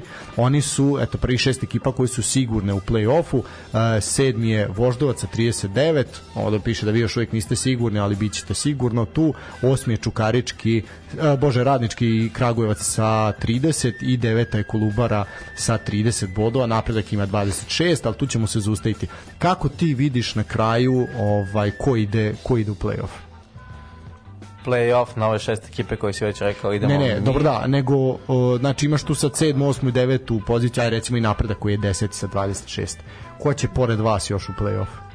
Pa ja iskreno očekujem radnički iz Kragujevca. Dobro, a sad recimo kad to su tih 8 ekipa, kako bi poređao na kraju finalni poredak? Zvezda je jasno šampion, a sad dalje, kako misliš da će se završiti? To su ljudi pitali, eto kaže Ajde čovjek da iz- stavim to ovako, pomalo i onako ostrašćeno. Drugi, Može. drugi TSC, Dobro, treći Partizan, dobro, četvrti Čukarički, peta, uh, peti Voždovac, dobro. šesta Vojvodina, sedmi Novi Pazar i osmi Radnički Kragujevca. A, misliš da će Vojvodan završiti ispod vas? Misliš da je to realno? Nadam se. Radimo svaki dan, između ostalog i zbog toga. A dobro, ima 7 bodova, je, 7 bodova je razlike s tim da ajde, ne dele se bodovi. Mislim nije nije nerealno svakako očekivati. A, dobro. A, ja se nadam da ćeš to, da ćete to da izvedete pa da podsjetimo na Dragoljuba Smiljića na neke izjave pre početka da, sezone. bi mogli. A, dobro, što se tiče play-outa, znači Kolubara je 9 sa 30, napredak ima 26, na 10. mestu 11. Javor sa 25, 12. je Spartak sa 24, 13. Radnički iz Niša sa 23, 14. je Mladost iz Lučana sa 21, 15. je Gat sa 18 bodova i poslednji je plasirana ekipa Radnik iz Surdulice sa 17 bodova. Šta misliš ko ispada iz lige? To je baš teško pitanje. Iskreno. to sam više, Ja ne znam, ova klanica. Ne znam ko će ispasti, ne, ne, ni, sve vreme mi nije... Ima, imam ja, ovaj, iako o samoj utakmici Radnik Javor nije imalo šta se kaže, objektivno, a, ti si zapravo, iako si odrastao u Vranju u Surdulici rođen, beše. Ako se, Tako je, tako je. Tako, a, kako Više vidiš, spletom okolnosti, ali... ovaj, kaži mi, Vidim kako da nisi vidiš, srećan zbog toga. Ne, ne, ne, daleko od toga. Ovaj, kako vidiš radnik koji je onako bio stabilan superligaš prethodnih godina, e, šta je dovelo ove sezone do toga da da li, da li, je, da li su Lintine pripreme dovele do toga ili nešto drugo u samoj organizaciji da se tako uđe A u nije on odradio pripreme s njima, on je odradio pripreme sa vama pa je otišao zadnji dan. Ne, je ne, tako? ne, on je dan pre početak priprema otišao. A dan pred E, početak Tako da, da. tako je. To, ovaj, kako vidiš to da, da je radnik baš toliko pao? Ok, imali su možda nešto slabiji tim ove sezone, ali ne toliko loš i posebno sada nije toliko loš da bi bili na, na ovom mestu. Iskreno mislim da je od starta bilo, bila greška odlazak Linte ili ti njihovo dovođenje Linte. Mislim da je to onako, malo te ne mogu da kažem ne spojivi spoj, ali znate na šta mislim, jednostavno način na koji on funkcioniše, stvari koje on želi, kako njegova ekipa igra, futbal i izgleda, e, mislim da Surdulica nije, nije mu ponudila jednostavno preduslove za to. A takođe mislim i da je bila greška to što su ga smenili posle samo dva kola. Da to nije bio slučaj, ja sam siguran da radnik danas ne bi bio u ovoj situaciji. Izuzetno cenim njihov igrački kadar, čak i onaj sa, iz jesenjeg dela, kamoli ovaj sad koji mislim da je, da je onako dodatno ojačan. Sad mislim da deluje mi da neke stvari kao klub podcenjuju, između ostalog tu najviše mislim i na ulogu trenera nažalost i negde iz sezone u sezonu oni stalno ulaze slabije i uvek su iz nekog minusa.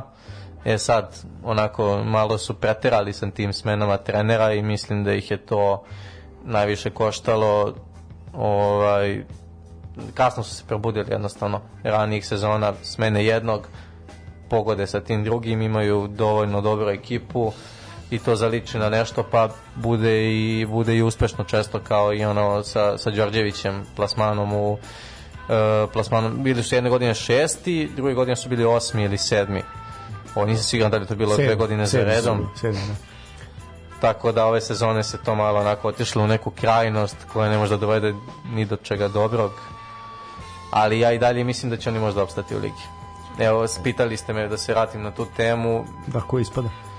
pa najbliže tome mi je Gat možda trenutno i sad se ovaj možda Lučani ajde nisam mislim da će dve ekipe ispasti ako i dalje stoji da treća igra baraž Tako je, ako se nešto ne promeni, što nije isključeno. Sve je moguće. Da, se, da, kod ne sme Ja, pazi, sad ovaj, možda ti znaš ovo, sad mi je nešto prošlo kroz glavu, o čemu nismo pričali emisije, pomenuo si Lintu.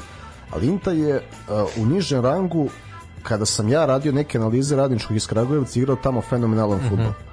E, sada to radi Dejan Joksimović. E sad, šta mene, ono što ne znam, da li, u- pošto je već to dva trenera u istom klubu da igraju vrlo progresivno, nije slučajno u Srbiji, da li u radničkom postoji neko, neki ideolog ko želi da se igra tako i bira takve trenere? Pa čini mi se da je to slučaj sa sportskim direktorom Perovićem. Ne držite me za reč, ali mislim da je, mislim da je to slučaj. E, imali su ovaj epizodu i sa Radenkovićem gde ideja bila slična. E, sad možda su sa Lalatovićem malo onako skrenuli sa tog kursa. ali Oro, Lalat je treba u tom momentu, da, da. Lala, ali vidiš i to je ta Pa priča, i bio on je izazov doneo da... to zbog čega su ga doveli, moramo da budemo... Nemo šta, nemo tu šta reći. Ne, I pazi, a opet, znaš kako, nis, nismo navikli da ga gledamo u Super ligi da ima neki veliki neuspeh. Pazi, njemu je ova epizoda sa radničkim verovatno najlošiji mandat u bilo kom klubu u ligi. Čačak. Ne, on je u Čačku bio drugi. Pa imao je On neke lepe da- epizode sa Nije. njim. I ono On je u Čačku bio drugi, jer je bio Zvezde. kratko. Šta reći, proleter i tu je bio tanak onako. Dobro, to je početak same. Da. Davno srijem i proleta. Ne, ne, pri, on je, on je bio, on je, pazi, on je pobedio Zvezdu kad je u polusezoni 2013. bio u Voždovcu.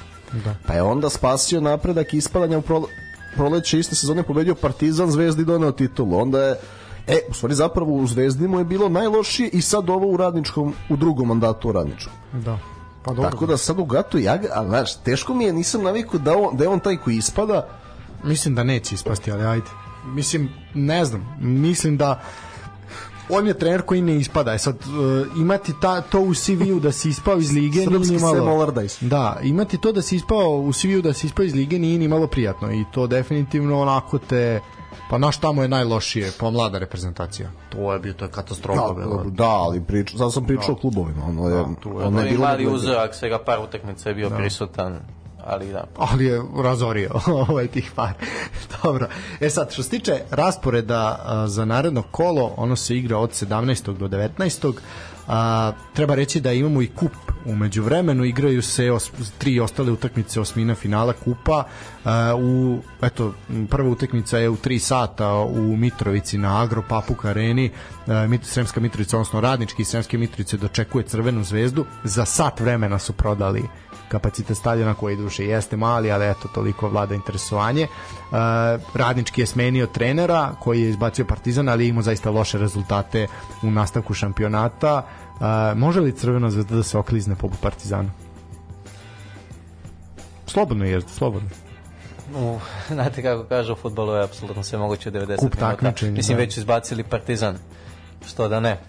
Pa vidi, to ako urade, onda je to zaista. Vidi da je da nije bilo pošto pošto mi ovde degradiramo kup kao naše takmičenje, ti čega smo mi uvek protiv u ovoj emisiji, da su igrali iz tog momentuma na primjer u kratkom roku da su na jesen igrali kao što je trebalo, bila bi veća šansa da, da naprave još jedno iznenađenje. Jer to tako ide, znamo i u Engleskoj onaj Barnsley, Cardiff i ko je već pravio to kad se, Vigan, kad se zaleti i onda te to samopouzdanje u jednom takmičenju na jednu utakmicu nosi kad znaš da imaš penale i nekog ludog golmana kao sigurač, a ovaj, sad će im biti mnogo teže iskreno. Znaš, to je dug period, pola godine skoro, zimske pripreme, duga pauza. Ja ne vidim tu eliminaciju, iako bih voleo, jer do što da ne mislim da bude da bude neko drugi neko drugi šampion odnosno osvajač kupa. Uh, od 17 časova ima Metalac i Čukarički, tu je izlišno pričati Čukarički je za pet klasa bolja bolja ekipa trenutno i od 19 časova u Subotici Spartak Napredak, a, tu će biti tu će biti svega, tu baš onako jedna i druga ekipa mogu da prođu. E sad pomereni su termini odigravanja četvrtfinala, odnosno polufinala, pa i finala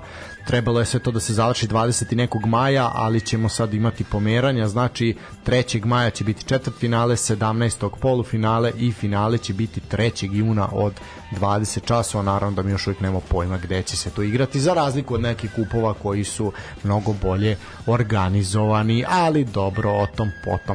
Što se tiče lige na koju ćemo se mi fokusirati, ona počinje kolo 27. u petak od 16 časova, ako si pratio, a pratio si, znaš da imamo taj moment ovaj gde humani u humanitarne svrhe predviđamo ovaj rezultate u ko naredno kola jel? Nažalost prošli put smo sva trojica i Lazo i Nikola i ja pali na utakmici u Subotici koja nas je prosto sve devastirala. Da mi smo bili dobri. Lazo još ima neki promašaja ovaj ali mi smo bili dobri. Nažalost nas je to da to nismo kad će Lale da krene da li će da krene da. što nismo znali da će onda vodimo onda se Tako da, eto, bilo, to... bilo realno u onom momentumu da Spartak i to reši. Pa da, eto, to smo, u suštini smo promašili to i radnik iz Surdulice, tu si ti očekivao pobedu, ja sam očekivao tri ili više gola, ne znam koja, stan, koja psihoza mi se dešala u tom momentu, ali dobro. Vidi, znao, vidi, radniku je teško, ja sam mislio da moraju ovo da, da reši kako znaju umeju, sad treba se vade na Partizanu, znaš, o, du, pazi, duljaju, duljaju tre, u pobede i mislim da taj njegov, njegov pristup i posvećenost da da neće to biti baš tako ovaj, do kraja sezona kako mnogi misle, znaš toliko loše. Da, e sad, znači petak, to je jedin, uh, zapravo dve utakmice imamo u petak, uh, od 16 časova Partizan će dočekati radnik iz Surdulice na stadionu Partizana. Vuče, hoćeš ti da učestvuješ ili se čuvaš za rukomet? Na kraju ću. Na kraju ćeš, dobro. Važi. Ovaj, Jezdo, šta kažeš? Šta ti očekuješ od ove utakmice? Ja bih možda probao sa duplom šansom Može, na znači, radnik iz Surdulice. Znači, to je x2. Da, mišljenja sam da njima ovaj više odgovaraju utakmice u kojima su u podređenom položaju. Takođe sam očekivao pobedu protiv Javara. Svi su, da, ali, ali očigledno da imaju probleme kada su oni ti koji treba nešto i da stvore i da, i da kontroliš utakmicu možda i malo i kroz pose i kontinuirani napad. To sad neće biti slučaj protiv Partizana. Razlika u individualnom kvalitetu jeste velika, ali ali mislim da bi možda radnik mogao do, do boda ili sva tri tu. Nikola? 1 do 3 prvo, 1 do 3 drugo. A, gost daje jedan ili više. A, Gat radnički, derbi Nenada Latovića, koji 50% drugih utakmica. ovaj, da, Gat dočekuje radnički, bogami, hm, može biti svega, od 18 časova u petak. Malo golova, znači od 0 do 2. Dobro. Nikola? Isto. Dobro, prepisuju. Ja ću reći Da li ćemo mi da idemo gledamo to, to je pitanje. Pa ja da, neću, da, da, da, sigurno, ja ću gledati iz Moskve, ovaj, a ja ću reći da će biti X2. Ja ne vjerujem da će Lala ostvariti pobedu ovde. E, subota 14 časova Novi Pazar Kolubara eto duel dve ekipe koje Nenad Latović nije još uvijek vodio ovaj što je retko zaista mora se priznati. Pričamo si bilo je priča da će preuzme Novi Pazar. Ja bih voleo da vidim u Novom Pazaru. To bi zaista bilo zanimljivo poprilično. Možda čak i zanimljivije nego na stadionu Partizana. Šta kažeš jezda za Novi Pazar i Kolubar? Mm, kažem pobjeda Novog Pazara. Mm, dobro. Nikola? A vidiš, kako nas dvojice, to ti kad tri godine pričao s nekim o futbalu, a isto sam, ove, ovaj, isto sam teo na Pazar. Dobro, ja ću reći da će ovde biti 1 do 3 gola. Uh, od 16 časova u Ivanjici Javor dočekuje Vojvodinu. E, to sad, sad moraju, moraju da oni da stvaraju se kroz posed.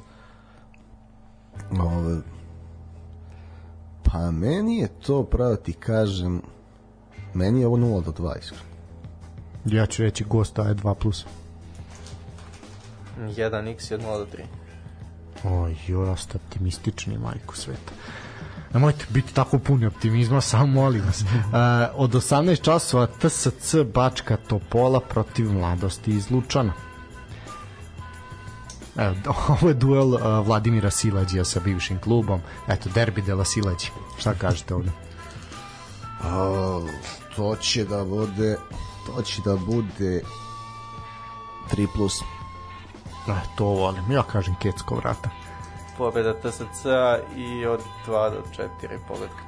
Dobro, hvalje, mladi junoša je se zaleće, dobro. E, nedelja od 15 časova, Spartak, Subotica, Radnički Niš, svojevrsni bratski derbi u Subotici. da ne sudi Srđan Obradović. dobro, dobro, dobro, znam, piše se. Dobro. Izvini, Sparta je Subotica? Spartak, Subotica, Radnički Niš. Hm, hm, hm, hm. Sparta, Subotica. Keca, dobro. Nikola? 2 do 4. Ja ću reći da od oba tima daju po golu. Uh, 17 časova u Kruševcu napredak na stadionu Mladost dočekuje Crvenu zvezdu. Mm, dva. Oh, hazarderski, nemoj tako opasno. Ajde, da, se ispere. Ovako se ukopava čovjek, znači to je... Može dupla pobjeda. Može, ajde, dobro. Dobro, No, dvojka i gost 2 plus. To, ne. dobro. Pa ja ćeći dvojka i gost 2 plus, verujem da to više nego realno.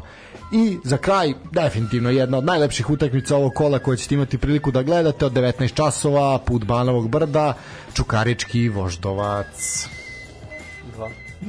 dobro, dobro, da, da, ovo je sad bilo. Piši dupla pobjeda i to. O, to volimo tu hrabrost. Ne, ovo će biti ozbiljno dobra utakmica ko bude ovaj s obzirom da Čukarički nema nažalost veliku bazu navijača, ali za neke neutralne ljubitelje fudbala zaista treba ili otići na stadion ili biti biti pored uh, TV ekrana, će zaista biti biti dobra tekma.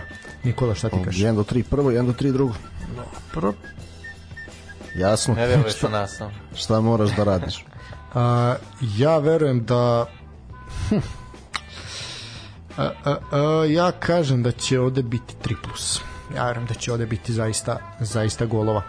A, dobro, u suštini smo izanalizirali kolo. A, da li ti treba malo pauza? Ćeš pauzu? Nećeš? Može, može pauza. Ajde ovako, a, dok ti malo dođeš do daha, mi ćemo Vuka iskoristiti da malo prokomentarišemo rukomet koji se dešavao i koji je to postao negde bitna tema ovih prethodnih dana, tako da pomož, može, bravo, sviđa mi se ovo što I su... to je I to je dobro pošto je rukomet dugo bio nebitna tema. Da, To je, ovaj, par minuta prokomentarišemo rukomet pa će se jezda vratiti da odgovara na vaša pitanje koje još uvek možete slati. Ono, glasanje još malo traje pa će biti zatvoreno na 0656 3 jedinice 073 stiglo je dosta pitanja tako da požurite ovaj, još malo pa ćemo zatvarati tu priču pošto jezda treba i da se vrati kući. Uh, dobro reče još jedan put, dobrodošao, sad ćemo te malo čuti. Uh, utakmica u petak u Novom Sadu u hali Spence, kaže da je bilo negde između 7 i 8 hiljada ljudi. Pogodkom Uroša Borzaša u za, poslednjoj sekundi meča bukvalno smo pobedili te Norvežane. Malo smo im vratili za, za ono što se dešavalo na prvenstvu. Međutim onda smo ono što smo ti ja privatno pričali imali totalno drugačiju sliku ovaj juče ovaj gde su nas onako, pa ne možemo reći baš razmontirali, ali su nas pobedili. Kako si ti video utakmicu u Novom Sadu, a kako ovu Pazi, u pre, pre svega svakako da je utisak pozitivan. Tu ne može, tu ne može niko da kaže da ovaj Srbija nije uradila dobar posao kada je reč o utakmici, mislim da je četvrtak. Ne sad Jeste vi govorite ali izvini, mislim da je četvrtak. četvrtak, jeste, izvini, da, Iskreno jeste, rekao sam i tebi privatno, to je utakmica koju smo dobili na publiku. Dobro. Mi jednostavno nismo imali kvalitet da ih pobedimo bez sad neke ono iskreno i objektivno, ali svakako da je igra bila dobra, publika nas je nosila, Milosavljev je bio sjajan, kao i uvek. Definitivno, definitivno. Tako da Srbija, iako, iako kažemo nismo bili kvalitetno bolji, mi smo zaslužili tu pobedu. I zaslužili dva boja koji su nam, da tako kažemo, osigurala plasman na evropsko prvenstvo. Sad nam odstoji, znači kao što si rekao, odigrali smo to, pričali smo, pitao si me da li možemo da pobedimo, ja sam rekao da ne možemo. Da, da je bilo nije, nije da nemamo šanse, ali da ne možemo. I iskreno, nažalost, tako je bilo. Jednostavno, od prvog minuta su bili bolji. Mi smo imali neke dobre trenutke, nekoliko, ajde na kraju, eto kad je već bilo, da kažemo, i Bomaštar je imao 5-6 odbrana, Jeste, koje jeste. nije iskreno nisam Milan- očekivao. Milan je bio dobar, da. Imao je tipa, ja mislim, pet vezanih napada da je odbranio, što je stvarno sjajno i dobro je da se on uključio ali generalno ne, ne znam da li smo mogli više da uradimo. Jedno da izgubimo sa manjom razlikom, ali ako uzmemo u obzir da će Norveška realno pobediti i Slovačku i Finsku ubedljivo, ne bi nam ništa igrali da smo pobedili sa, sa da smo izgubili sa manjom razlikom. Tako da u svakom slučaju kada napravimo neki rezime, odlično je da smo uzeli dva boda svetskoj vele sili u rukometu i zaista drago mi je što sam bio na utakmici, mogu da da pišem o njoj i drago mi je što smo, što smo ih pobedili.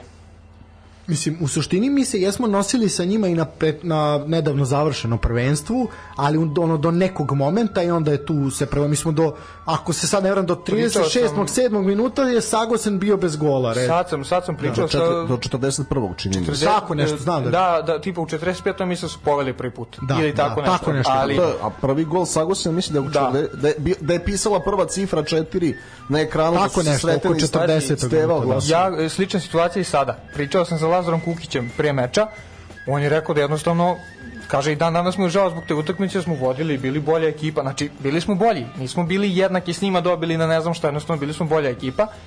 I upravo to sam i sada ovaj, i pisao u toku utakmice da jednostavno Sagosen u prvom poluvremenu u Novom Sadu nema ga. Jednostavno nema ga. Tako je, tako. šta je uradio? Drugoj 12 golova. Znači, jednostavno, ne možemo sad reći bio mu je loš dan i jednostavno tako se desilo. I zato tako je pokazao da je nepredvidiv, jedan od najboljih igrača na svetu i ne znam sad kako bi to tačno rekao, ali nije, nije, nije bilo realno da mi nešto više uradimo, ali u svakom slučaju, kao što je, sad izvini ako sam ne, te prekinao, kao što je Đerona rekao u, u, u odjavi utakmice, jedina posljedna tačka je Nikola Zečević. Znači, momak da, koji je, da. ima 21 godinu mlađi od mene, koji sam mlad, vi ste mokri, vi ste da, dede, ja sam Ali ti ovaj, sad ćemo je, spustiti ovaj regler ovde tvoj. On je sestrić. ovaj, tako da, slažem se e, u potpunosti. Bolje stric nego ujak.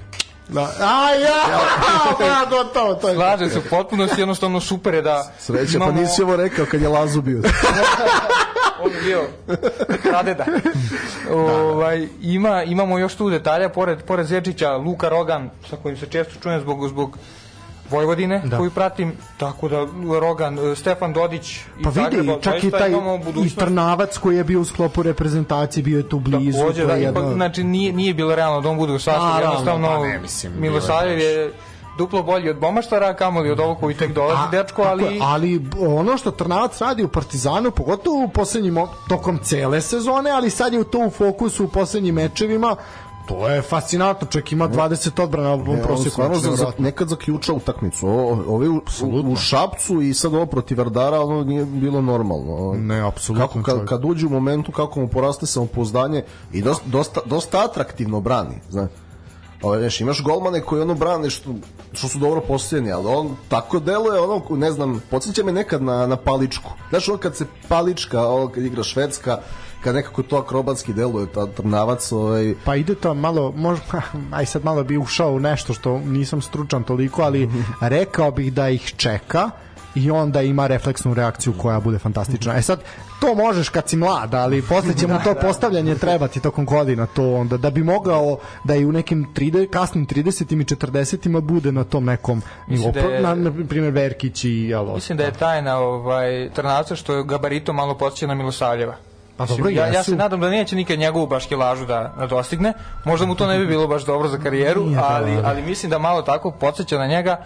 A Milosavljeva nisam još imao priliku da pričam s njim, ali ako budem pričao moraću nešto u tom kontekstu, jednostavno čovek ne izgleda kao sportista, ni blizu, ni blizu kao sportista, Nikad, a brani Evo reći ću ti nešto, kao neko ko je imao, ja mislim da sam protiv njega odigrao jedno 15 utakmica sigurno, ako ne i više, on da nikad ovako likom nije delovao na sportistu, uvek je mali mali debeli iz gemba, ovaj koji je to tako znaš, ali tako to izgleda dok ne počneš da igraš sa njim. Kada krene utakmica, to je sasvim neka, neka druga priča, ali to je ta priča, znaš, i Nikola Jokić i pre nego što da, je otišao i to je to, to je to sad. I, i može neku... čak i sada malo, ali da, sada je već druga priča, ali da. da. ali kad bi ga neko uhvatio da ozbiljno, ozbiljno radi s njim ko što su ga uhvatili u zadnje vreme, da... Milosavljev ne brani na telo, brani na glavu igra rukomet na glavu i to, da. em što možemo da vidimo u više prilika na terenu, kada napravi neku, ajde da, da tako kažem, inteligentnu odbranu, na neki način prevari ovaj napadača, e, sada izjava nakon utakmice, on je jednostavno, e, jedan od posljednjih šuteva, mislim čak poslednji, e, Norvežana, lopta ga je pogodila u oko. I on je rekao, lopta me pogodila oko, a on je trebao da šutira gore desno.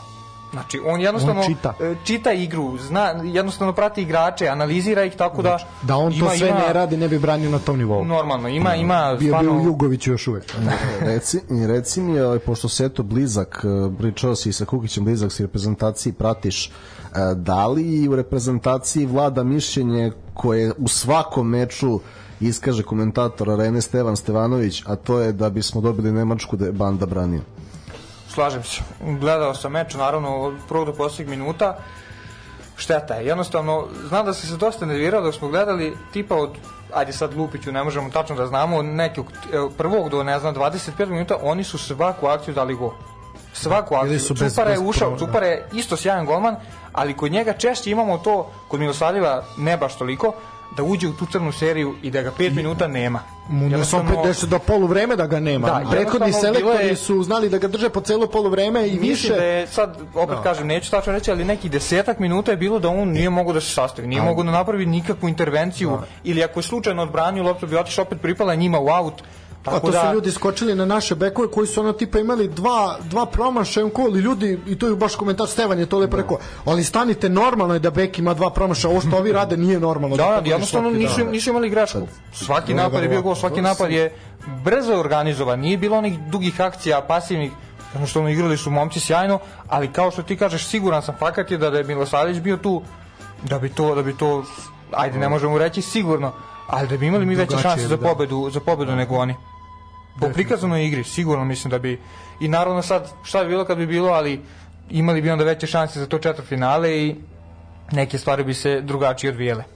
Da, nažalost, ali definitivno smo pokazali evo i sada i ovom i sa ove dve utakmice bez obzira što u rezultatu drugoj utakmici nije da kažem nešto sa posebno ohrabrujući, ali definitivno i igra bez obzira što su to bili segmenti samo nije bilo tokom celog meča pokazuje da je rad Tonija Đerone ozbiljan, da je napredak evidentan i da mi imamo zaista čemu da se radujemo na prvenstvu koje sledi. Evo, ja sam nas malo urekao pred ovu drugu utakmicu u razgovoru sa Sretinom Raškovićem sam konstatovao da u ovim kvalifikacijama kada treba da se fokusira i pripremi samo jednog protivnika ozbiljno E, prvo je bilo Francuska, pa Slovenija, pa Norveška i onda kad posle prve utakmice sam konstatovao da Đerona ima četiri pobede i remi.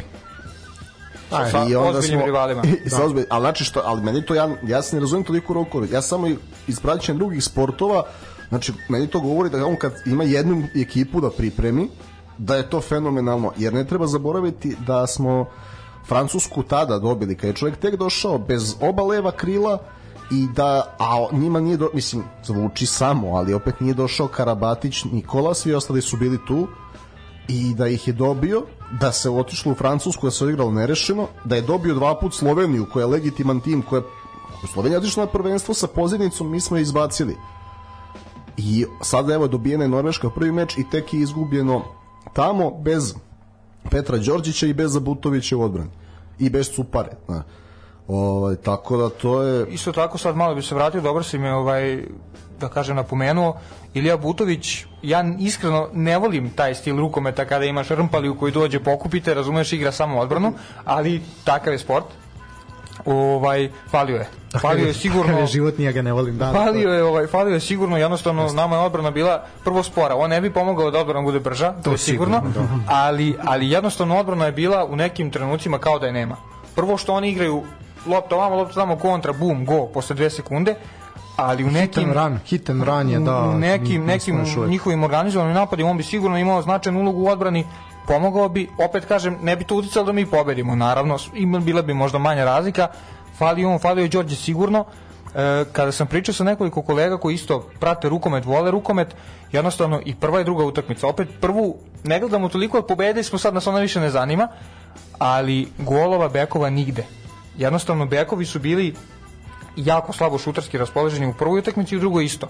U drugoj je Orbović, na primjer, imao četiri pogotka, ali opet ne kažem da je on trebao da da deset ali Vejn je dao tri, Kukić je dao čini mi se jedan. To je to je malo za za bekove njihovog kalibra i za utakmicu Zaustavili kalibra Norveške. Jednostavno u prvoj u prvoj utakmici takođe. Borzaš kojeg smo pohvalili, junak utakmice, nije imao dobru utakmicu. Znači, kao, kao, to- bek, kao jedan od vodećih bekova. Tu, tu je sad malo problem što znaš, on je postigao pogodak i svi su upamtili samo taj pogodak, on je heroj. Ok, ali je po meni on ono što je radio na prvenstvu, to smo sad i rekli, radio je i malo i na ovoj prvoj utakmici, a i posle, a to su bila ta forsiranja, to su bili ti neki silovani šutevi koji onako su bili bili bez veze dosta grešaka, ali dobro, pogodio je to, piše mu se i Imam to više to. razumevanja sada za to, zato što Đorđić nije došao, a Milosavljević se povredio na početku utakmice. Znaš, to, Da. mislim, Borzaš nije još taj nivo da iznese sam celu utakmicu na taj način. Ali Mislim vidi, da neće ni biti, ali ajde, da, to je. Dobro, imamo Zečevića. E, e, imam e, pitanje samo za Vuka. To je, pošto si pominjao mladi igrača koji nadolaze, e, šta je sa Milošem Kosom u Zagrebu, koji je imao dobro omladinsko prvenstvo sa Dodićem? E, da li pratiš to koliko ima minuta, da li se računa na njega od strane Đerone? I drugo pitanje je e, za obojicu, a to je da li je sramota što je ulaz bio besplatan, pošto je novi Ne. ne. zato što je novi, ne, ne, zato što kao, ne, to mi je bilo čudno, ja sam hteo da dođem da kupim kartu da gledam to. I Novi Sad je uvek poštovao reprezentaciju u svakom sportu. Ne znam, ne znam što je bio strah da... Ja mislim da bi se rasprodao Spensi ovako. Pa ne, ja ću ti odgovoriti na to pitanje, pa ću pustiti tebe da kažeš ovo. Ja ne vidim ništa sporno u tome da je ulaz bio besplatan, čak šta više. Uh, sa druge strane, bojim se da se ulaz naplaćivao da tu ne bi bilo ni blizu ovoliko publike ko što je bilo, siguran sam, pogotovo što je to bio radni dan, vreme koje je bilo, da je to bio neki večernji termin, nešto možda, ovako ja zaista ne vidim ništa sporno u tome, vidim da je bilo dosta organizovanih dolazaka, što klubova, što škola rukometa, velika zastava iza Futožani su bili, to je najbitnije. Ne možda ne primetiš. Ne, pa mi smo takvi nas ne možda ne primetiš. Ovaj definitivno eto bili su čak predstavnici da kažemo tih niže ligaša, a to između ostalog eto imao kluba. Tako da je po meni je sve to E, to je idealno, dobro da. kad se već delilo da se nije, nisi delio ne znam tu Ne, nekim ne, ne. lokalnim klinkicama nego si delio momcima koji se bave rukometom kad se već delilo taj deo mi je okej ali ja smatram samo da ako plaća ako, ako se igra utakmica košarkaška sa Velikom Britanijom gde znaš da igraš protivnikom koji ne može da te dobije za 300 godina ovaj, i da se to rasproda u dahu ja smatram da, da ovi momci ovako kako igraju rukomet a, zbog važnosti utakmice zaslužuju isto to. sve to je argument da bude i besplatan ulaz. Isto ko što i da nije, razumeš? Pazi, tako da. iskreno ja bi se složio s tobom sa, sa Stanislavom zato što jednostavno nažalost, da ne širimo priču, ali u, u svim sportovima, u svim ligama nama fali publike. A I ajde sad ako se zadržimo, ako se zadržimo na rukometu i zadržimo se na Novom Sadu na Spensu, lupiću brojku. Ja mislim da da se prodavali ulaz, ovako nezvanično je bilo 8000 ljudi. Da su se prodavale ulaznice, ja mislim da bi taj broj bio ispod 5000. To je ona priča, Iskreno. da su se prodavale ulaznice, onda u redu slana bara. Jel toliko bi bilo ljudi? Iskreno, da. Da, ali, ali ovako, pogotovo što je ta velika, velika je sala, nije Novi Sad grad, nažalost, koji može da napuni e, salu Spensa ovaj, ali, ali rukomet. kada je u pitanju da kažem celokupno pitanje meni je meni je drago što je bilo besplatno Apsolutno. drago mi je što je Treba što više ljudi da Spence gleda, bio krcat kao što sam rekao mi smo pobedili na publiku ali to smatram zaista i čuo sam druge ljude koji isto veruju da su- da je veliki deo naše Atmosfera, pobede da. atmosfera A to je kad se već podelilo, bila je rukometna publika i momci koji se time bave, znaš. Pa onda i, i A mislim dobro, da to je je sad ima i do popularnosti, razumeš? uvek uvek je da. važno kao što si spomenuo ti Osjećali su bilo je utakmicu.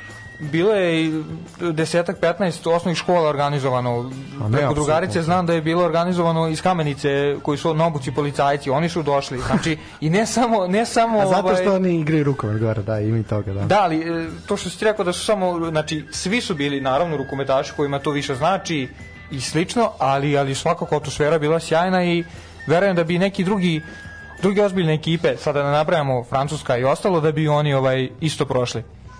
Da, a, u suštini, ovaj, ja bih sad, pošto imaš neki 20 minuta, malo jače, ja bih se zahvalio sa tebi, svakako ćeš to ovaj preći opet kod mene. Ovaj, Za kraj kaži- rukometa, samo da li ste čitali intervju Borzoša za Mocar Sport? Ne. Ja sad bih teo da iz, istaknem veličinu Arpada Šterbika kada je rekao u, mi smo u Adi zbog njega počeli da se bavimo rukomet, ali nismo svi mogli da branimo. Pa je neko mora, obično je neko, neko mora i da brani, e, u ovom slučaju je bilo neko mora i da igra. Tako da samo eto To to, ti da... samo govori da oni baš nisu normalni, jer po rukometu ne može biti normalno. Ili da je on go. Ili da on legenda, svetska ili legenda. da je on svetska Nešto legenda, od ta nešto dva mora da bude, da.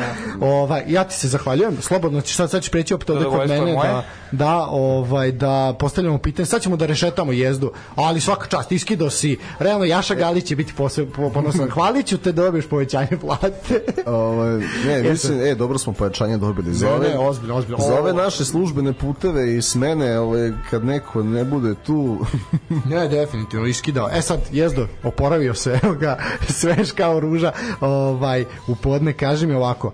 Uh, pitanje, sad krećemo te rešetamo. ruža kao cvet ili ruža kao pijan? E, ruža kao cvet. e, ovako, pošto si e, radio Ovka Beogradu i Voždovcu i nacionalnom timu reprezentaciji do, do, do 19 godina, e, stiglo je par pitanja vezano za e, naš futbal i naše igrače, pa kaže ovako, da li smatraš da je razlika u igračima u prvom i, treću, tre, prvom i trećem rangu takmičenja po kvalitetu, kolika je i koji igrači su na tebe ostavili najbolji utisak u Ovka Beogradu i Voždovcu? Znači kolika je razlika između rangova i ovi utisci za Ofka i za Voždovac. Pa postoje razlike svakako. E sad ima više različitih profila ljudi, odnosno igrača koji igraju u Srpsku ligu.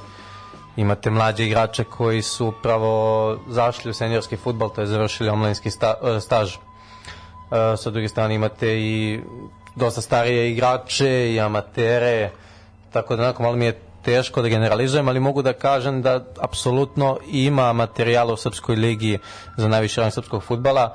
E, Evo konkretan primjer kod nas u Voždovcu u posljednje vreme igra standardno Đuričić levi bek koji je onako prethodno celu svoju karijeru proveo, to jest nekoliko godina u Srpskoj ligi odakle smo ga i doveli.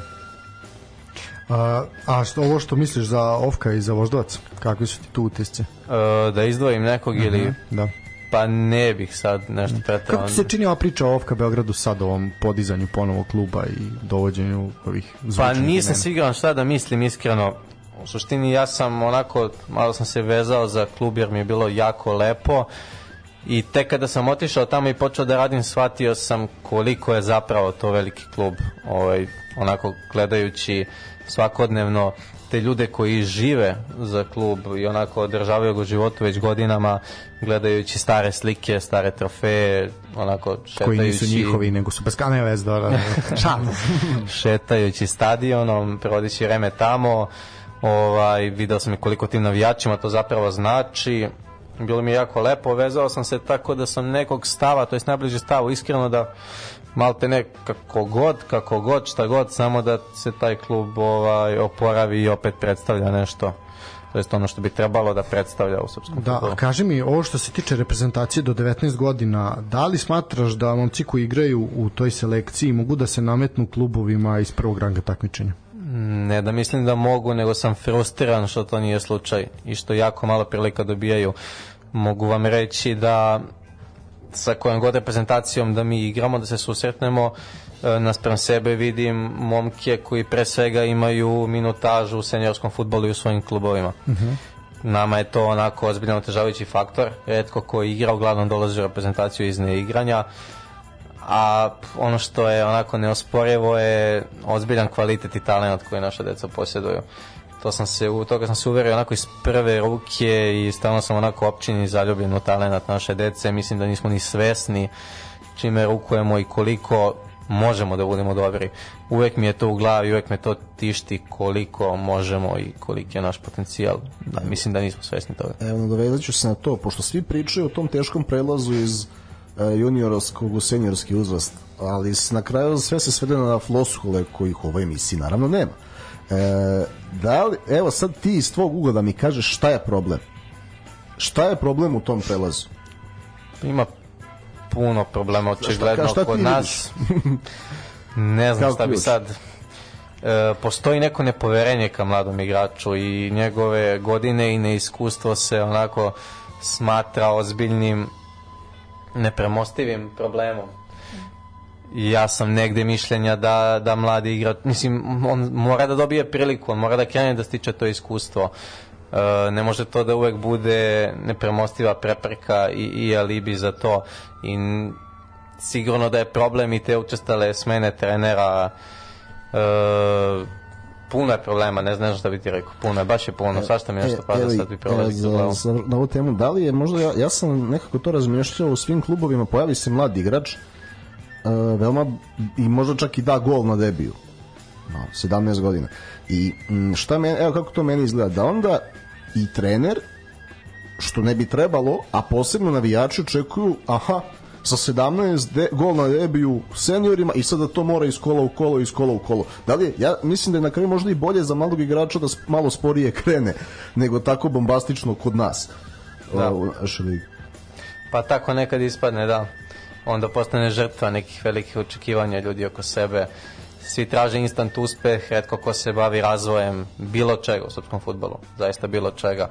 A kad smo kod razvoja, uh, može li Miloš Pantović biti najveća prodaja u istoriji Voždovca? To sad zavisi od puno stvari, ali može. Na dobrom je putu. Slažem se, da, apsolutno. Sad ima ajde još jedno pitanje vezano za za ajde ovaj deo kad smo sad ušli. A, da li je Stojisavljević usporio sa napredovanjem i koliko je pozajmica u radnički bila delotvorna?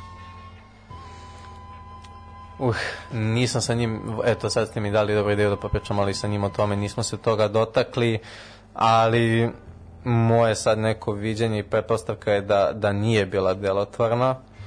Ja ne mislim skoro ništa dobro o prvoj ligi Srbije i ne vidim čemu ona služi, Da, ovakva kakva je slažem trenutno. E, imate i taj, pa neću reći absurd, ali on i tamo nije bio standardan, ajde sad koji sad ulazim i kako i zašto, nije moje, ali da, ovaj, pitanje koliko je to bilo svrsishodno i delotvorno. E, samo ne voliš, dobro, ne vol, znam da ne voliš organizaciju lige, ali ja reci, ja i tamo vidim dobre igrače. Pa naravno da, mislim, mi imamo, opet kažem, baš puno ovaj, igrača i generalno smo i talentovani, slažem se, ali sama ta organizacija i sve što se dešava unutar toga, onako, krajnje diskutabilno. Evo, tu je pitanje e, stiglo s kojim igračem si se najviše slagao tokom igračke karijere i šta misliš o, fen, kaže, ovde piše, fenomenalnom treneru ili stolici? Da, pretpostavljam ko je postavio to pitanje, pomislio bi čovjek da, da sam imao neku, bog zna kakvu igračku karijeru, zapravo jedva da sam je imao, tako da neću se puno zadržati na to, samo ću pozdraviti čoveka koji je postavio to pitanje, Lazar Kilibarda, igrali smo zajedno kroz Tako mlađe on kategorije. je poslao, da. Bravo, Igrali smo zajedno i onako baš puno gola, on je špic inače i puno gola sam mu namestio. Razumeli smo se dobro i na terenu, ovaj, ne samo van. A što se tiče Ilije Stolice, mislim da smo ga se već i dotakli malo, jako ga cenim i mislim da je onako malo poražavajuće što nije više cenjen i što nema više mesta za njega u srpskom futbolu. I mislim da je to ovaj u najmanju ruku problem srpskog futbala koliko je i njegov u najmanju ruku. Evo, dovezat ću se na ovo što si rekao da je Kilibarda igrao špica, ti si igrao veznog, je li tako? Pa inicijalno veznog da, ali sam onako igrao sve i svašta. Igrao sam i bek, u raznim fazama karijere, treneri su mi drugačije videli, bio sam i bek i krilo i štoper. Jer mi deluje ovako na nivou svetskog futbala da je, trener, da je veznom futbaleru najlakše da postane trener. Dobar trener. Pa ima smisla, da, meni isto delo je vezni futbaleri i štopere možda, ali nema pravila, čak je to i golmani sve više i više. Pa imamo primer i, i Joksimovića iz Kragujevca kod nas koji je bio golman, koliko ja znam. Imamo Nuno Espirita Santa, imamo Francesca Fariolija koji je bivši pomoćnik Dezerbija, pa je sad bio u Turskoj. E, tako da nema pravila, ali da, i meni delo je da nekako najbolju podlogu ima, zato imaju možda vezni futbaleri i štoperi. Kaži mi, e, isto jedno, na primjer, pitanje koje je ovo zanimljivo. Koliko često ima interesovanja za utakmice voždovca iz Lige Petice?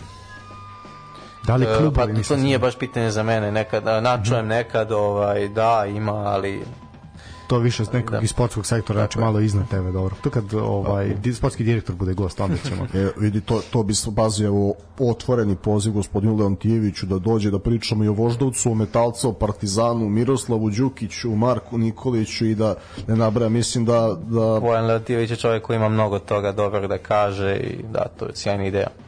A, da, e sad- da mu kažeš da si se dobro osjećao. Da, da. E, mišljenje o Kejti, zbog čega je doveden solidar, solidan ovaj, igrač, ali na terenu se slabo pokazao. To je konstatacija. Kejta, Da. prošlogodišnji, u prošlogodišnjoj sezoni igrač Voždaca, jel? Da, ja verovatno. tad nisam bio u klubu, ono što imam o njemu da kažem je da je moj utisak sa strane gledajući bio da je možda i krivo korišćen najčešće igra na boku meni je delovalo da je on onako devetka koja je solidna opcija onako, za neku direktnu igru u vazduhu i da bude možda i Martinela da ima da, da solidno igra leđima ovaj, ali eto nije bio u prilici baš da, da to pokaže verovatno velikim delom i, i nekom svojim krivicom ali A- nisam bio ne, ne Da, e sad, pošto si malo osetio Voždovac i sad si već neko vreme tu, a, stiglo je jedno zanimljivo pitanje, pa sad iz tvog ugla me ovo zanima, a, koliko, evo i Vuk je malo prepričao mm -hmm. o uticaju navijača i publike, a, koliko Voždovcu fali ta neka veća navijačka baza da bi napravio možda iskorak dalje, a, nekako deluje da dok su ljudi bili na starom stadionu da su više bili povezani sa klubom, da je veća podrška bila. Sad, koliko si ti zapravo pratio Voždovac dok nisi bio deo kluba ovaj, šta možeš da kažeš na ovu Pratio temu? sam, ali ja pamtim samo u noviju istoriju. Da, previše ne si mlad za ovo pitanje, da. ne mogu baš da pričam o starom stadionu i slično, iako se sećam da sam bio jednom ili dva put. E, sad ajde da pohvalim isto i naše navijače koji su počeli da idu i na gostovanja, pa su bili i u Surdulici i u Nišu. Znači nam apsolutno, ali generalno i meni lično, a verujem i, i svima, e, onako malo me i tišti i ne mislim da je to problem Voždovca koliko srpskog futbala, taj praćenost e, sama njegova praćenost i baš sam teo i vas da pohvalim i da izrazim zadovoljstvo što se ne, što neko pristupa nama srpskom futbalu Superligi na ovakav način komentariše, prati i onako dajete svima nama neko dodatno na težini, barem se ja tako osjećam. E, toga fali definitivno u svakom smislu. Pa definitivno, znaš, imaš tu, tu je mnogo faktora sad što se tiče publike, imaš, vi imate odličan marketing koji odlično zna da animira, da animira ljude da dođu na stadion, ali onda ti dođe e, Superliga i bubne ti termin petkom u dva sata. Pazi, sa, sa Da, to sa, sam- sa tim marketingom Partizan bi imao petocifrenu posetu u proseku. Ah, da, dobro, ajde, nećemo u bolne teme, ajde, ovaj, kaži da, krenuo si što se tiče Pa termina. teo sam da, da, da imam eto isto tako utisak e, da organizacija sama, liga kao liga, savez i pa i klubovi, imam utisak nekada čine što svesno, što više nesvesno, naravno, sve da odalje ljude od stadiona. E, za mene lično to nije opravdanje jer sam ja neko ko obožava da dođe na stadion da pogleda utakmicu i pogotovo ranije dok nisam bio upošljen sam to konstantno činio. Sad mi malo i nedostaje nekada da dođem na stadion i sednem i pogledam samo utakmicu. Tako da, ali da, muči me to iskreno. Muči me i kad odemo na neko gostovanje gde ti ne osetiš da si došao na utakmicu da je sutra ili danas da se nešto održava. Ovaj, spomenuo bih možda kao pozitivne primere, jako, mi je, jako sam se lepo osetio u Kruševcu recimo gde, ne znam, izađeš u grad, vidiš bilborde vezane za utakmicu najave, gde ti ljudi peckaju te, dobacuju, pozdravljaju.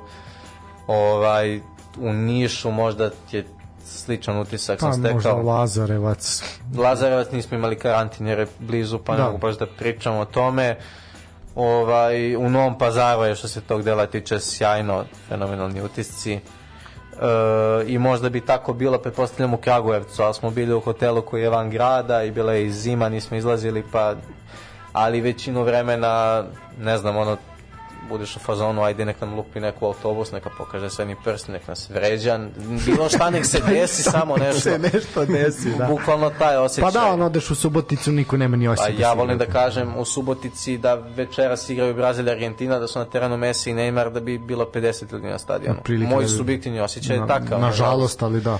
E sad ima tu krivica krivica svih nas i opet vraćam se i dosta toga klubovi i sama liga organizacija može da uradi da dovedete navijače i da im bude i konfornije i Pitanje lepše. je samo šta je prioritet. Meni da. je jasno da je taj futbal nekad nije najatraktivniji, ali daleko od toga da je kvalitet našeg futbala loš, koliko je popularno hejtovati ga, isticati. E, Pa, tu više je to uzelo to je, maha, To je, da. to je uzelo maha uvek, a to je e, nije ni košarka uvek najatraktivnija, pa protiv Velike Britanije 8000 ljudi dođe to da gleda. Ono je krvarenje očiju. Da. Sa evroligaškim igračima. I opet, i pazi, i sad da se igra ne znam, protiv uh, švajcarske, još slabije neke reprezentacije Luksemburga, opet će ljudi da dođu dođu u pionir zato što su se u košarci osvajale zlatne medalje, a u futbalu se nisu osvajali, u stvari su osvajali su to olimpijska zlata pod šekularcima, ali to ljudi ni ne znaju. E, zato smo mi tu, evo istina, zato smo mi tu da malo ljude podsjetimo, a za jezdu ima pitanje jednog ha, rezočaranog fana futbala, kaže, ako biste mogli pitati jezdu kako je moguće sanirati štetu koju je Recko učinio Dinamo i dalje se i dalje u svetu futbala Vranje vezuje za, za njega, da ne upotrebim epitet koji je ovaj slušalac upotrebio. S obzirom da si rodom iz Vranja, Da, da, da, kako da. gledaš na Dinamo? Pa, ja volim da kažem često, nekad je bilo kad neko čuje da si iz Vranja, kad mu kažeš on u Vranji nema laganje, jel te? Sad više nije to, već je sa podsmehom spominjanje Recka. Ovaj, Pa i- sećanja na njega. Evo za I slušalce ekskluzivno, moraš prvo, pre nego što odgovori za slušalce, kako Recko procenjuje igrača? Ono, Pa dobro, ima tu svakakvih priča, ali ono, ono za, Da, da. za loptu, na, kako, pa baci loptu na vole igraču koji tek dođe u klub, e, jednu vole, jednu dropka, jel te, da lopta prvo odsupne i to je, jel te, dovoljno da se igrač proceni. Pa dobro, dobro, super. Ovaj, Da, zanimljivo. da. Pa, sad ne znam koliko ljudi ovaj, znaju i kontekst u Vranju, malo ne da futbol više ne postoji. Jedno vreme, par meseci klub nije postojao da bi počeo Dinamo da, koji dalje nazovi pod, to je sa Reckom, da se takmiči u poslednjoj ligi, ne znam ko je to rang 6. i 7. u suštini Beton Liga. E, a vlast gradska kao reakciju na to je osnovala novi klub koji se zove Dinamo Jug koji isto nešto pokušava u istoj toj posljednjoj ligi ali u suštini ni jedno ni drugo ne liči ni na šta i što se mene tiče ne postoji kluba i ne postoji futbala. I to mene onako dosta frustrira i tišti da budem iskren.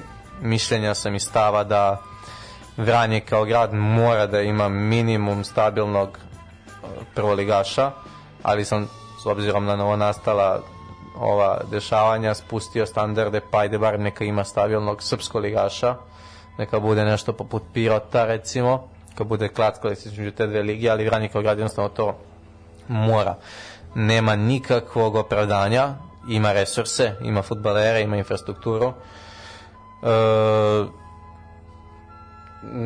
baš me onako to ovaj cela ta situacija e, recimo Paraćin Paraćin ima dva kluba u Srpskoj ligi mi smo došli u situaciju da ranije nema ni jedan e, zašto, kako ne znam Nikola tebi sam rekao čini mi se već ovaj, imam neku ideju onako za svoju dušu čisto da ja napravim neki ovaj plan i program da li je to poravka ili razvoja kluba čisto za svoju dušu, zato što mi je onako i zanimljivo da se time pozabavim. A kada to već budem uradio, verovatno ću i poslati nekome u gradu, čisto da bi se ja onako osetio malo bolje i, i mirnije. Pa dobro, lepo. lepo Ali da, šteta apsolutno se ne da postoji, nego ima jedan podatak isto pre par godina omladinska škola Dinama iz Ranje je brojala ne znam da ne lažem sad, ali ozbiljno trocifren broj dece, 300, 200, 400, nije ni bitno, a do skoro je sam čuo, to je skoro sam čuo podatak da je u tom nekom trenutku ovaj bilo 50 ili 50 i nešto, 57, poražavajuće, 8, to je baš a pričamo o gradu koji, to je opštini blizu 100.000. To je da ozbiljno malo, da. Tako To je da, baš problem. veliki problem. Ne, Ajde na, na nešto vedrije, vedrije teme. A, Na kog igrača iz mlađih selekcija treba posebno obratiti pažnju i da to bude sledeća velika stvar? Opet da, da, da kažem kako sam ovaj, opčinjen našom decom i njihovim talentom i svi oni imaju svoje kvalitete i svima je maltene nebo granica, rekao bih. E, pričam posebno za ovu omladinsku selekciju i generalno mlađe kategorije pri, pri, pri reprezentacije pri Savezu. E, verujem da je pitanje da se i na to odnosilo, ali ajde možda bih izdvojio jednog, pogotovo iz razloga što mislim da je nepoznat ovdašnjoj javnosti, Mateja Milovanović iz Ajaksa. Uuu, On je bio, to jest bio kapiten svoje generacije u Ajaksu, letos je prebačen u njihov B tim koji igra drugu ligu, jedan je od najmlađih članova te ekipe, licenciran je sad i za, za prvi tim i u, u Ligi Evrope. E, nažalost, e, izlazi iz povrede, operisuje meniskus, neće nam biti na raspolaganju sad na okupljanju koje imamo, imamo elitne runde kvalifikacija kroz desetak dana. Uh, ali eto, on je neko ko nije baš poznat ovde, bio je, mislim, i kapiten svoje generacije na nivou reprezentacije Holandije. Tako je, tako, Tako je. da Vel- i znam da veliki- se oni Veliki svim- uspeh Saveza. Apsolutno, da je treba što- pohvaliti, da. što on igra za nas. E, moje pitanje baš za njega. A, ono pre tri godine kad smo mi počeli jel, zajedno nešto da radimo i da se čujemo, znaš da se ja dobio analizu njega da radim. Da. Kad je imao 16, uh, u tom momentu mene on posjetio na Laporta. Znači, ono je bilo Da. fenomenalno, a ono, onaj osjećaj, ne samo što dobro doda loptu od tačke A do tačke B levom nogom, nego osjećaj za takozvani blinds, znači kako u onog momenta kako prepoznaje kad krilo zaseče, otvara prostor beku, taj timing pas se mene oduševio između ostalog. Reci mi, da li je dugoročni plan da on bude štoper, pošto ste ga vi koristili u veznom redu, E, da li, video sam posle da su ga i Ajaxu koristili u veznom redu i ne mogu da volim šta je sa njim plan Pa- da ne, nemoj da bude ono ko Phil Jones da se izgubi među pozicija, nego daj da dobijemo stabilnog stabilnog reprezentativca. On, u, mislim da na njega u Ajaxu gledaju kao štopera, s tim da je za, za taj B tim u seniorskom futbalu igrao mahom kao levi bek. Nisam siguran zašto, daleko toga da nema smisla, on apsolutno to može, ali je suštinski štoper. Kod nas igra na poziciji zadnjeg veznog, a da vam budem potpuno iskren, mišljenja sam da, da mi nemamo informaciju, da ne znamo da je on zapravo štoper, bi bi njemu dali broj 10, igrao bi desetku. Igrao bi to, siguran sam, ozbiljno dobro. Tako da vraćamo se na priču o Trentu i jednostavno je prošao ovaj, školu Ajaxa, Uh, oni ih naoružaju svim i svačim, može on da odgovori na mnogo pozicija, na mnogim delovima terena, ali da, ja isto negde vidim njega najviše na nekom top nivou kao štoper. I mislim da će mu samo benefite doneti to što Njega smo, polivalent. e sad, njega smo imali prilike da gledamo. E, Reci mi sad, da li vi e, u vašoj generaciji, to je 2003. četvrto, da li ste u obavezi da pratite znači 2005. 6. 7. godište i da li bi još tu izdvojio neko ime koje još nismo videli na televiziji? Pa nažalost nismo u obavezi, ali, ali se radi na tome, pogotovo naš selektor Jovan Damjanović. E, sad, nažalost, ostatak stručnog štaba je zaposlen po klubovima. Pri Savezu nismo treneri profesionalci, pa često jel, izostane vremena za neke takve aktivnosti, opet kažem, na, nažalost. E, a što se tiče imena, koji su možda nepoznati ovdešnjoj javnosti, ajde možda Jan Carlo Simić, koji je bio kapitan Stuttgarta svoje generacije, Milan ga je kupio. E, na treninzima je u trenažnom procesu prvog tima Milana, igra za njihov mladi tim. E, radi se o štoperu, često igra i kao desni bek. On je isto neko ko je kao 2005 skoro priključen našoj ovaj, u 19. to je 2004. generaciji e, onako mislim da je pred njim isto dosta, dosta svetla budućnost ostavio jako lep utisak i o njemu isto imam samo reći hvale i isto sjajan potez treba reći će ljudi, ljudi koji vode brigu o tome što je, što je on privoljen da igra za nas i mislim da će generalno iz te generacije 04-05 očekujem puno igrača u seniorskoj reprezentaciji mislim da, mislim da ima puno, puno ovaj, talenti, talentovanih dečaka koji su za to sposobni i to mesto ih čeka siguran sam. Može, ima da još jedno pitanje. Ovo je pitanje ako meni zanimljivo, inače pitanje je ovo sad za, za sve nas. Ovaj, kaže ovako, zašto u Srbiji nije praksa da se plaćaju obeštećenja kada je transfer unutar lige i zašto se igračima iz donjeg dela tabele ne daju dugoročniji ugovori? Kaže, šta je problem sa tim, zašto nema transparentnosti u transferima? Ovo je sad zanimljivo pitanje da na koje ja ne znam da li i kod nas može dati odgovor. Ovaj. Pa opet mislim da to nije pitanje za mene, ali eto, prošlo mi je Ovako kroz kad bi glavu. komentarisao, da, šta bi... Pa, ja razumem zašto klubovi ne daju dugoročnije ugovore. Zašto? Zato što mahom, pogotovo ti klubovi koji su u delu tabele, niko od njih ne gleda daleko u budućnosti. Niko se, opet vraćam se na moju rečenicu, niko se ne bavi kakvim razvojem. Evo recimo imate Surdulicu koja nije iskoristila moment gde na jugu Srbije jedino su oni prisutni. Sad ti imaš bazen celog tog juga Srbije e, i imaš realno imaš i sredstava ne fali ti financija novca, imaš i, i od grada, i imaš i sponzore, imaš i od prodaje igrača, Surdulica je prodala nekoliko Tako je, igrača tako za je, sasvim tako je, pristojne ne novce, pohvala, svaka da. čast ali nisu se setili i nisu uzeli da izgrade neki internat, da dovedu najtalentovaniju decu sa celog juga Srbije, da se okoriste od tog momenta što nema nikog drugog oko njih, pa i da ta Surdulica dodatno živne, da ima i više dece i da više nekih aktivnosti. Mislim da je to negde potpuno logičan meni barem potesle događaja, ali eto, niko od njih e, ne gleda, ne gleda duže jednostavno dana za sutra. Da, a kaži mi, stiglo je pitanje kao mišljenje o Prucevu iz Zvezde. Kaže, vidi se da ima šlifa da je talentovan. Nisam nešto upoznat s njim, ali sam ga primetio na pripremama zvezdinim ovogodišnjim. E, bio sam da gledam protiv Ludogoreca, mislim da je on tu, čini mi se, ušao, nešto mi sa TV-a isto gledao, ovaj, i u ta dva, tri navrata je na moment i meni ostavio pozitivan utisak. Ali sad da kažem nešto više, iskreno ne mogu. Pa iskreno ne znam nija šta bih rekao o ovome. A, stiglo je pitanje za Duljaja da li on doneo nešto novo, ja mislim da tu previše rano bilo šta reći da je doneo, jednostavno čovjek je imao dve utakmice od kojih jednu realno nije ni mogo da pripremi možda kako treba.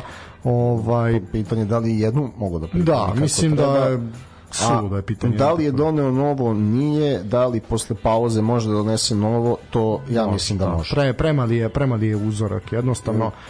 A pitaj naravno za Lalatovića, to smo manje više rekli. Ne, evo ja za zvijezdu, da, tako pošto da je mlad ušao u posao, navedat ćemo se sada na to. A, koji su te domaći strani treneri uh, inspirisali da uđeš u posao, čija vizija te najviše oduševljava i šta voliš da gledaš kad imaš slobodnog vremena? Koje ekipe širom evropskih liga? Mhm.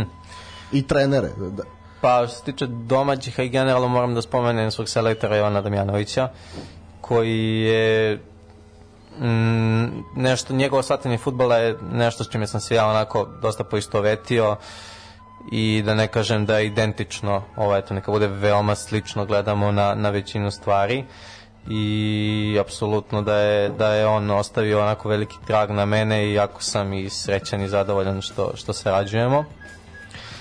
E, ima sad još dosta pozitivnih primjera ovaj, kod nas eto Žarko Lazetić Ilija Stolica apsolutno. E,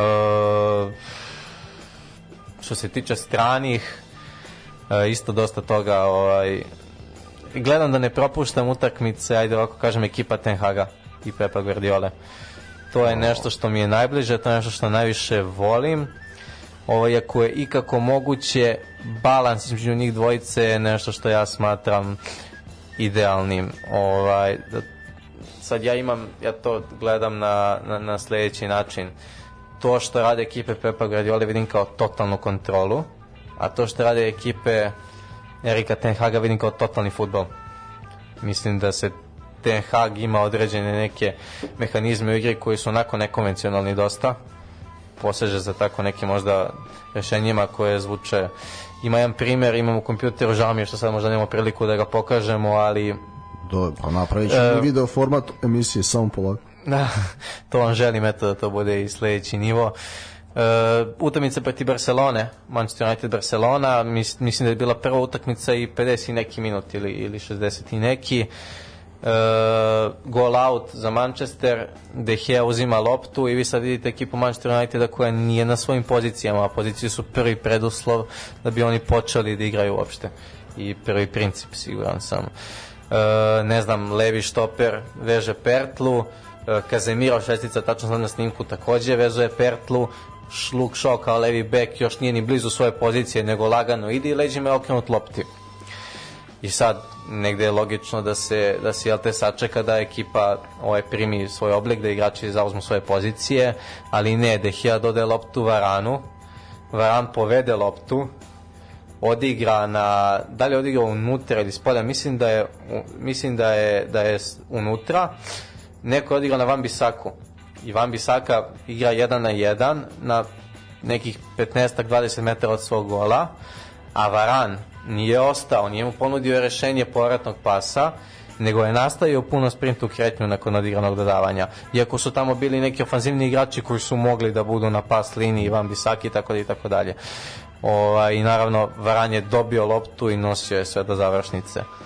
I to je meni onako toliko fascinantno i, i, i pogotovo period u Ajaxu kod Ten Haga, način na koji on koristio štopere, demarkacije unapred, pozicioniranje između linija, to je nešto što siguran sam nije viđeno ranije, možda eventualno Tim Walter, Walter koji trenutno vodi HSV, sećam se da je on nešto malo u Stuttgartu i neki trener uglavnom po Nemačkoj, H, ono, Holsten Kiel, tako se zove klub. E, to je Holsten Kiel on... Mislim da je Tim Walter baš bio trener kad se to tamo, tu video sam neke slične stvari, tu moguće da i Ten Hag crpio ideje odatle. Oni, oni hoće bukvalno da znači kako bi imali što više igrača u završnici ideja Holstein Kila je da golman može da, da je golman sposoban da doda loptu kroz uh, dva protivnička igrača koji rade pressing da. to je meni fascinantno E sad, znači, pa da, te, nis, a vidiš recimo to što si pomenuo za Varana, to, to Guardiola već ne radi, iako mu je da. Ten Hag bio pomoćnik. Znači, on se na Guardiolim pozicioni futbal još nadovezao sa nekim svojim, pa, da kažeš, začinima i... Kroj, krojfizmom. Ovaj. Pa da, može tako reći, da, da, da. Ali Guardiola mi je, eto, potpuna kontrola. Recimo, to što radi Ten Hag mi nije potpuna kontrola i slažem se da je ekstremno i, i slažem se da je rizik. Pa, stvar ukusa, ali da, razumem zašto to kažeš. Da, razumem. I mislim da. da, da evo, da u, iskreno, ja sam znao što, cenio sam uvijek Ten Hag, ja sam se brinuo da će Manchester da ga pojede u smislu ti ljudi tamo a način prvo na koji se on izborio sa Ronaldom i način na koji se on adaptirao da on vidiš da nekad ga, da i stane plitko, da je, da je mhm. svestan da s ovim timom neke stvari ne može da radi, meni je ovo fenomenalan. Meni, meni je on trener godine. Mislim, stvari, pa razumem te, da, zašto kažeš. Bez, ob, bez obzira na to što je Arteta prvi, on, Ten Hag mi je trener godine. Neravno koliko posle radi u kratkom vremenskom roku, ja opet eto da se vratimo na neko poređenje s Pepom Guardiolom, nije mi delovalo kad vraćam film da je Pep imao takav uticaj posle samo jedne sezone. Ne, I on, on je kupio potez... četiri beka da bi imao takav uticaj. Da, ej, to sve što Ten Hag radi, radi s nekim igračima koji složit ćemo se nisu idealni za, za njegov tim i za te profilno te uloge koje on namenjuje igračima. Ne znam, ja Van Bisaku teško zamišljam u njegovoj ekipi Dehea, onako ga dosta limitira, isto složit ćemo se.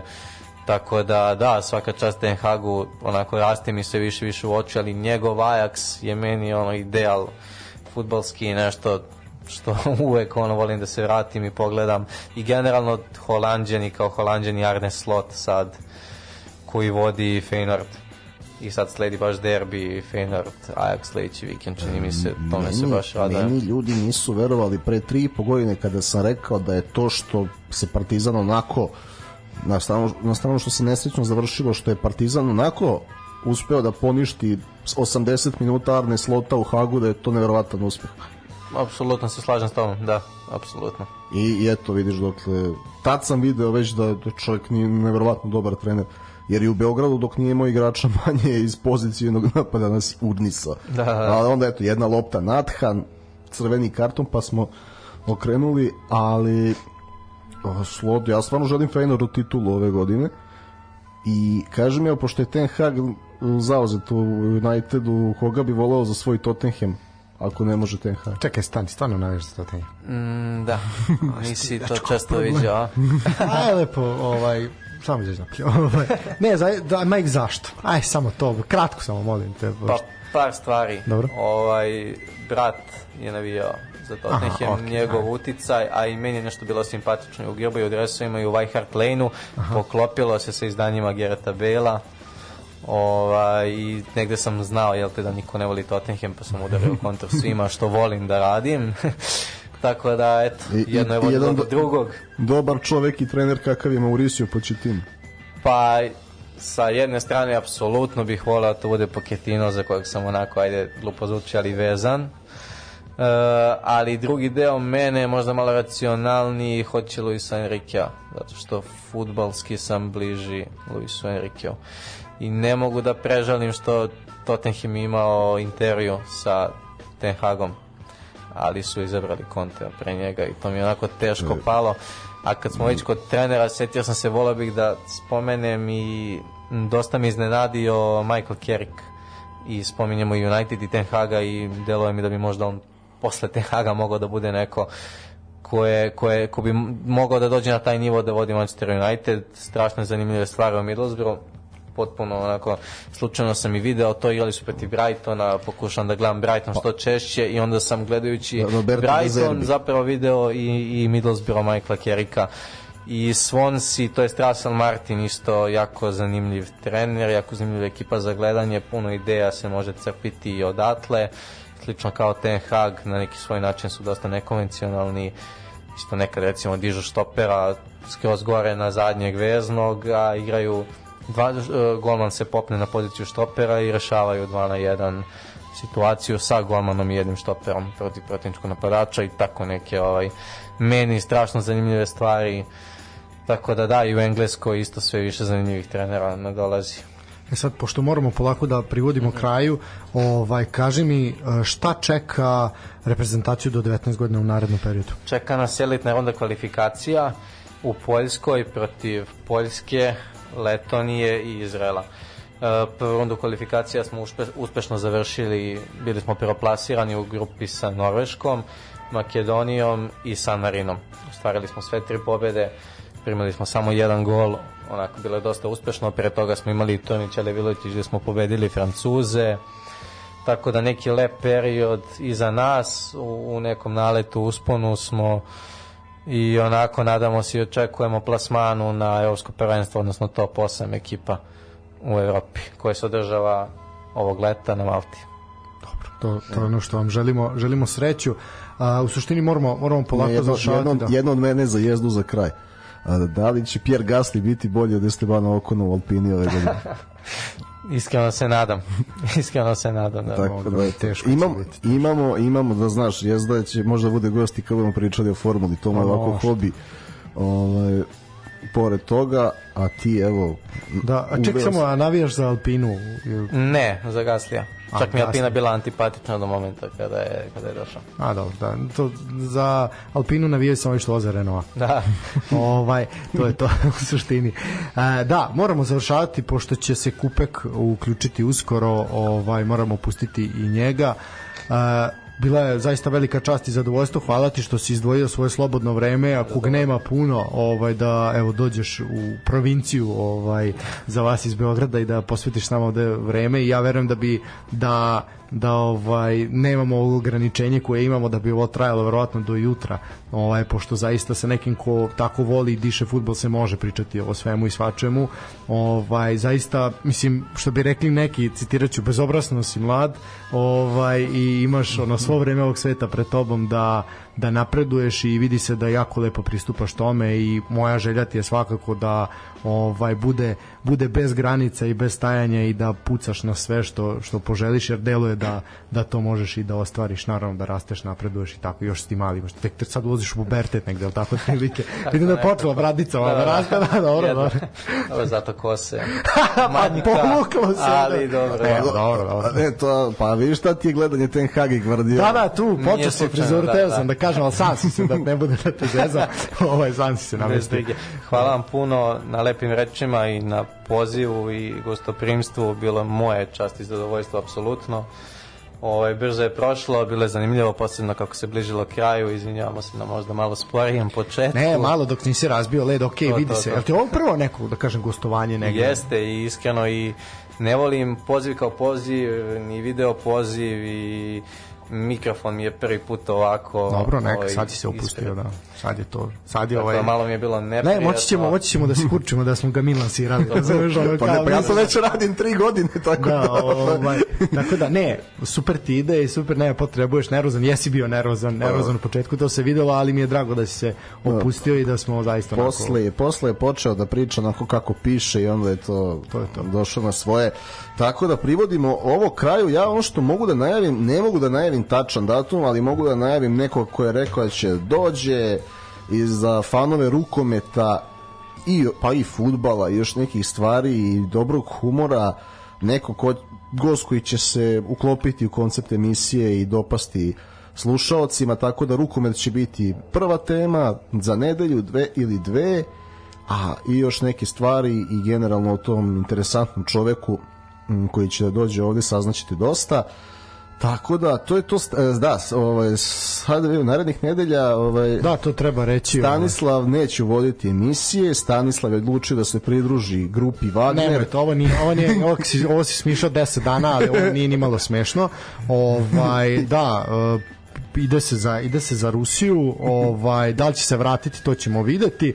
Ovaj, ali sad se trenutno osjećam kao prle i tihi kad su išli okupirani Beograd u povratku otpisanih. Ovaj sad vidjet ćemo samo kako će se to sve završiti. Tako je da, u narednih uh, mesec dana, možda malo manje, ovaj ćete imati to zadovoljstvo da slušate Nikolu i Vuka uz goste koju koji oni budu imali ili bez gostiju. Uh, oni će se truditi da to bude u ponedeljkom u, 7, u 19 časova, a u slučaju da ne bude, ovaj oni će vas blagovremeno obaveštavati i naravno i ja sa njima, tako da uh, mislim da će ova leteća izmena koja je ovde presedela, ovaj, a pokaz zasijala je danas na trenutak, ovaj, trenutno Pa se Niko, raduje. ko što je Nikola Zečević dao gol čim je ušao. To je to, da, ne, odmah. I trenutno sad idemo je osmeh od uva do uva, jer Crvena zvezda vodi 18 razlike protiv Partizana. Ovaj, tako da... A, pa dobro, Željko Bradović je malo duže slavio rođendan, izgleda Da, samo sam čekao ovaj taj momenat. E, da, definitivno će oni to će oni to lepo odraditi, tako da nas pratite, slušajte, uh, jezdu tebi hvala. Hvala.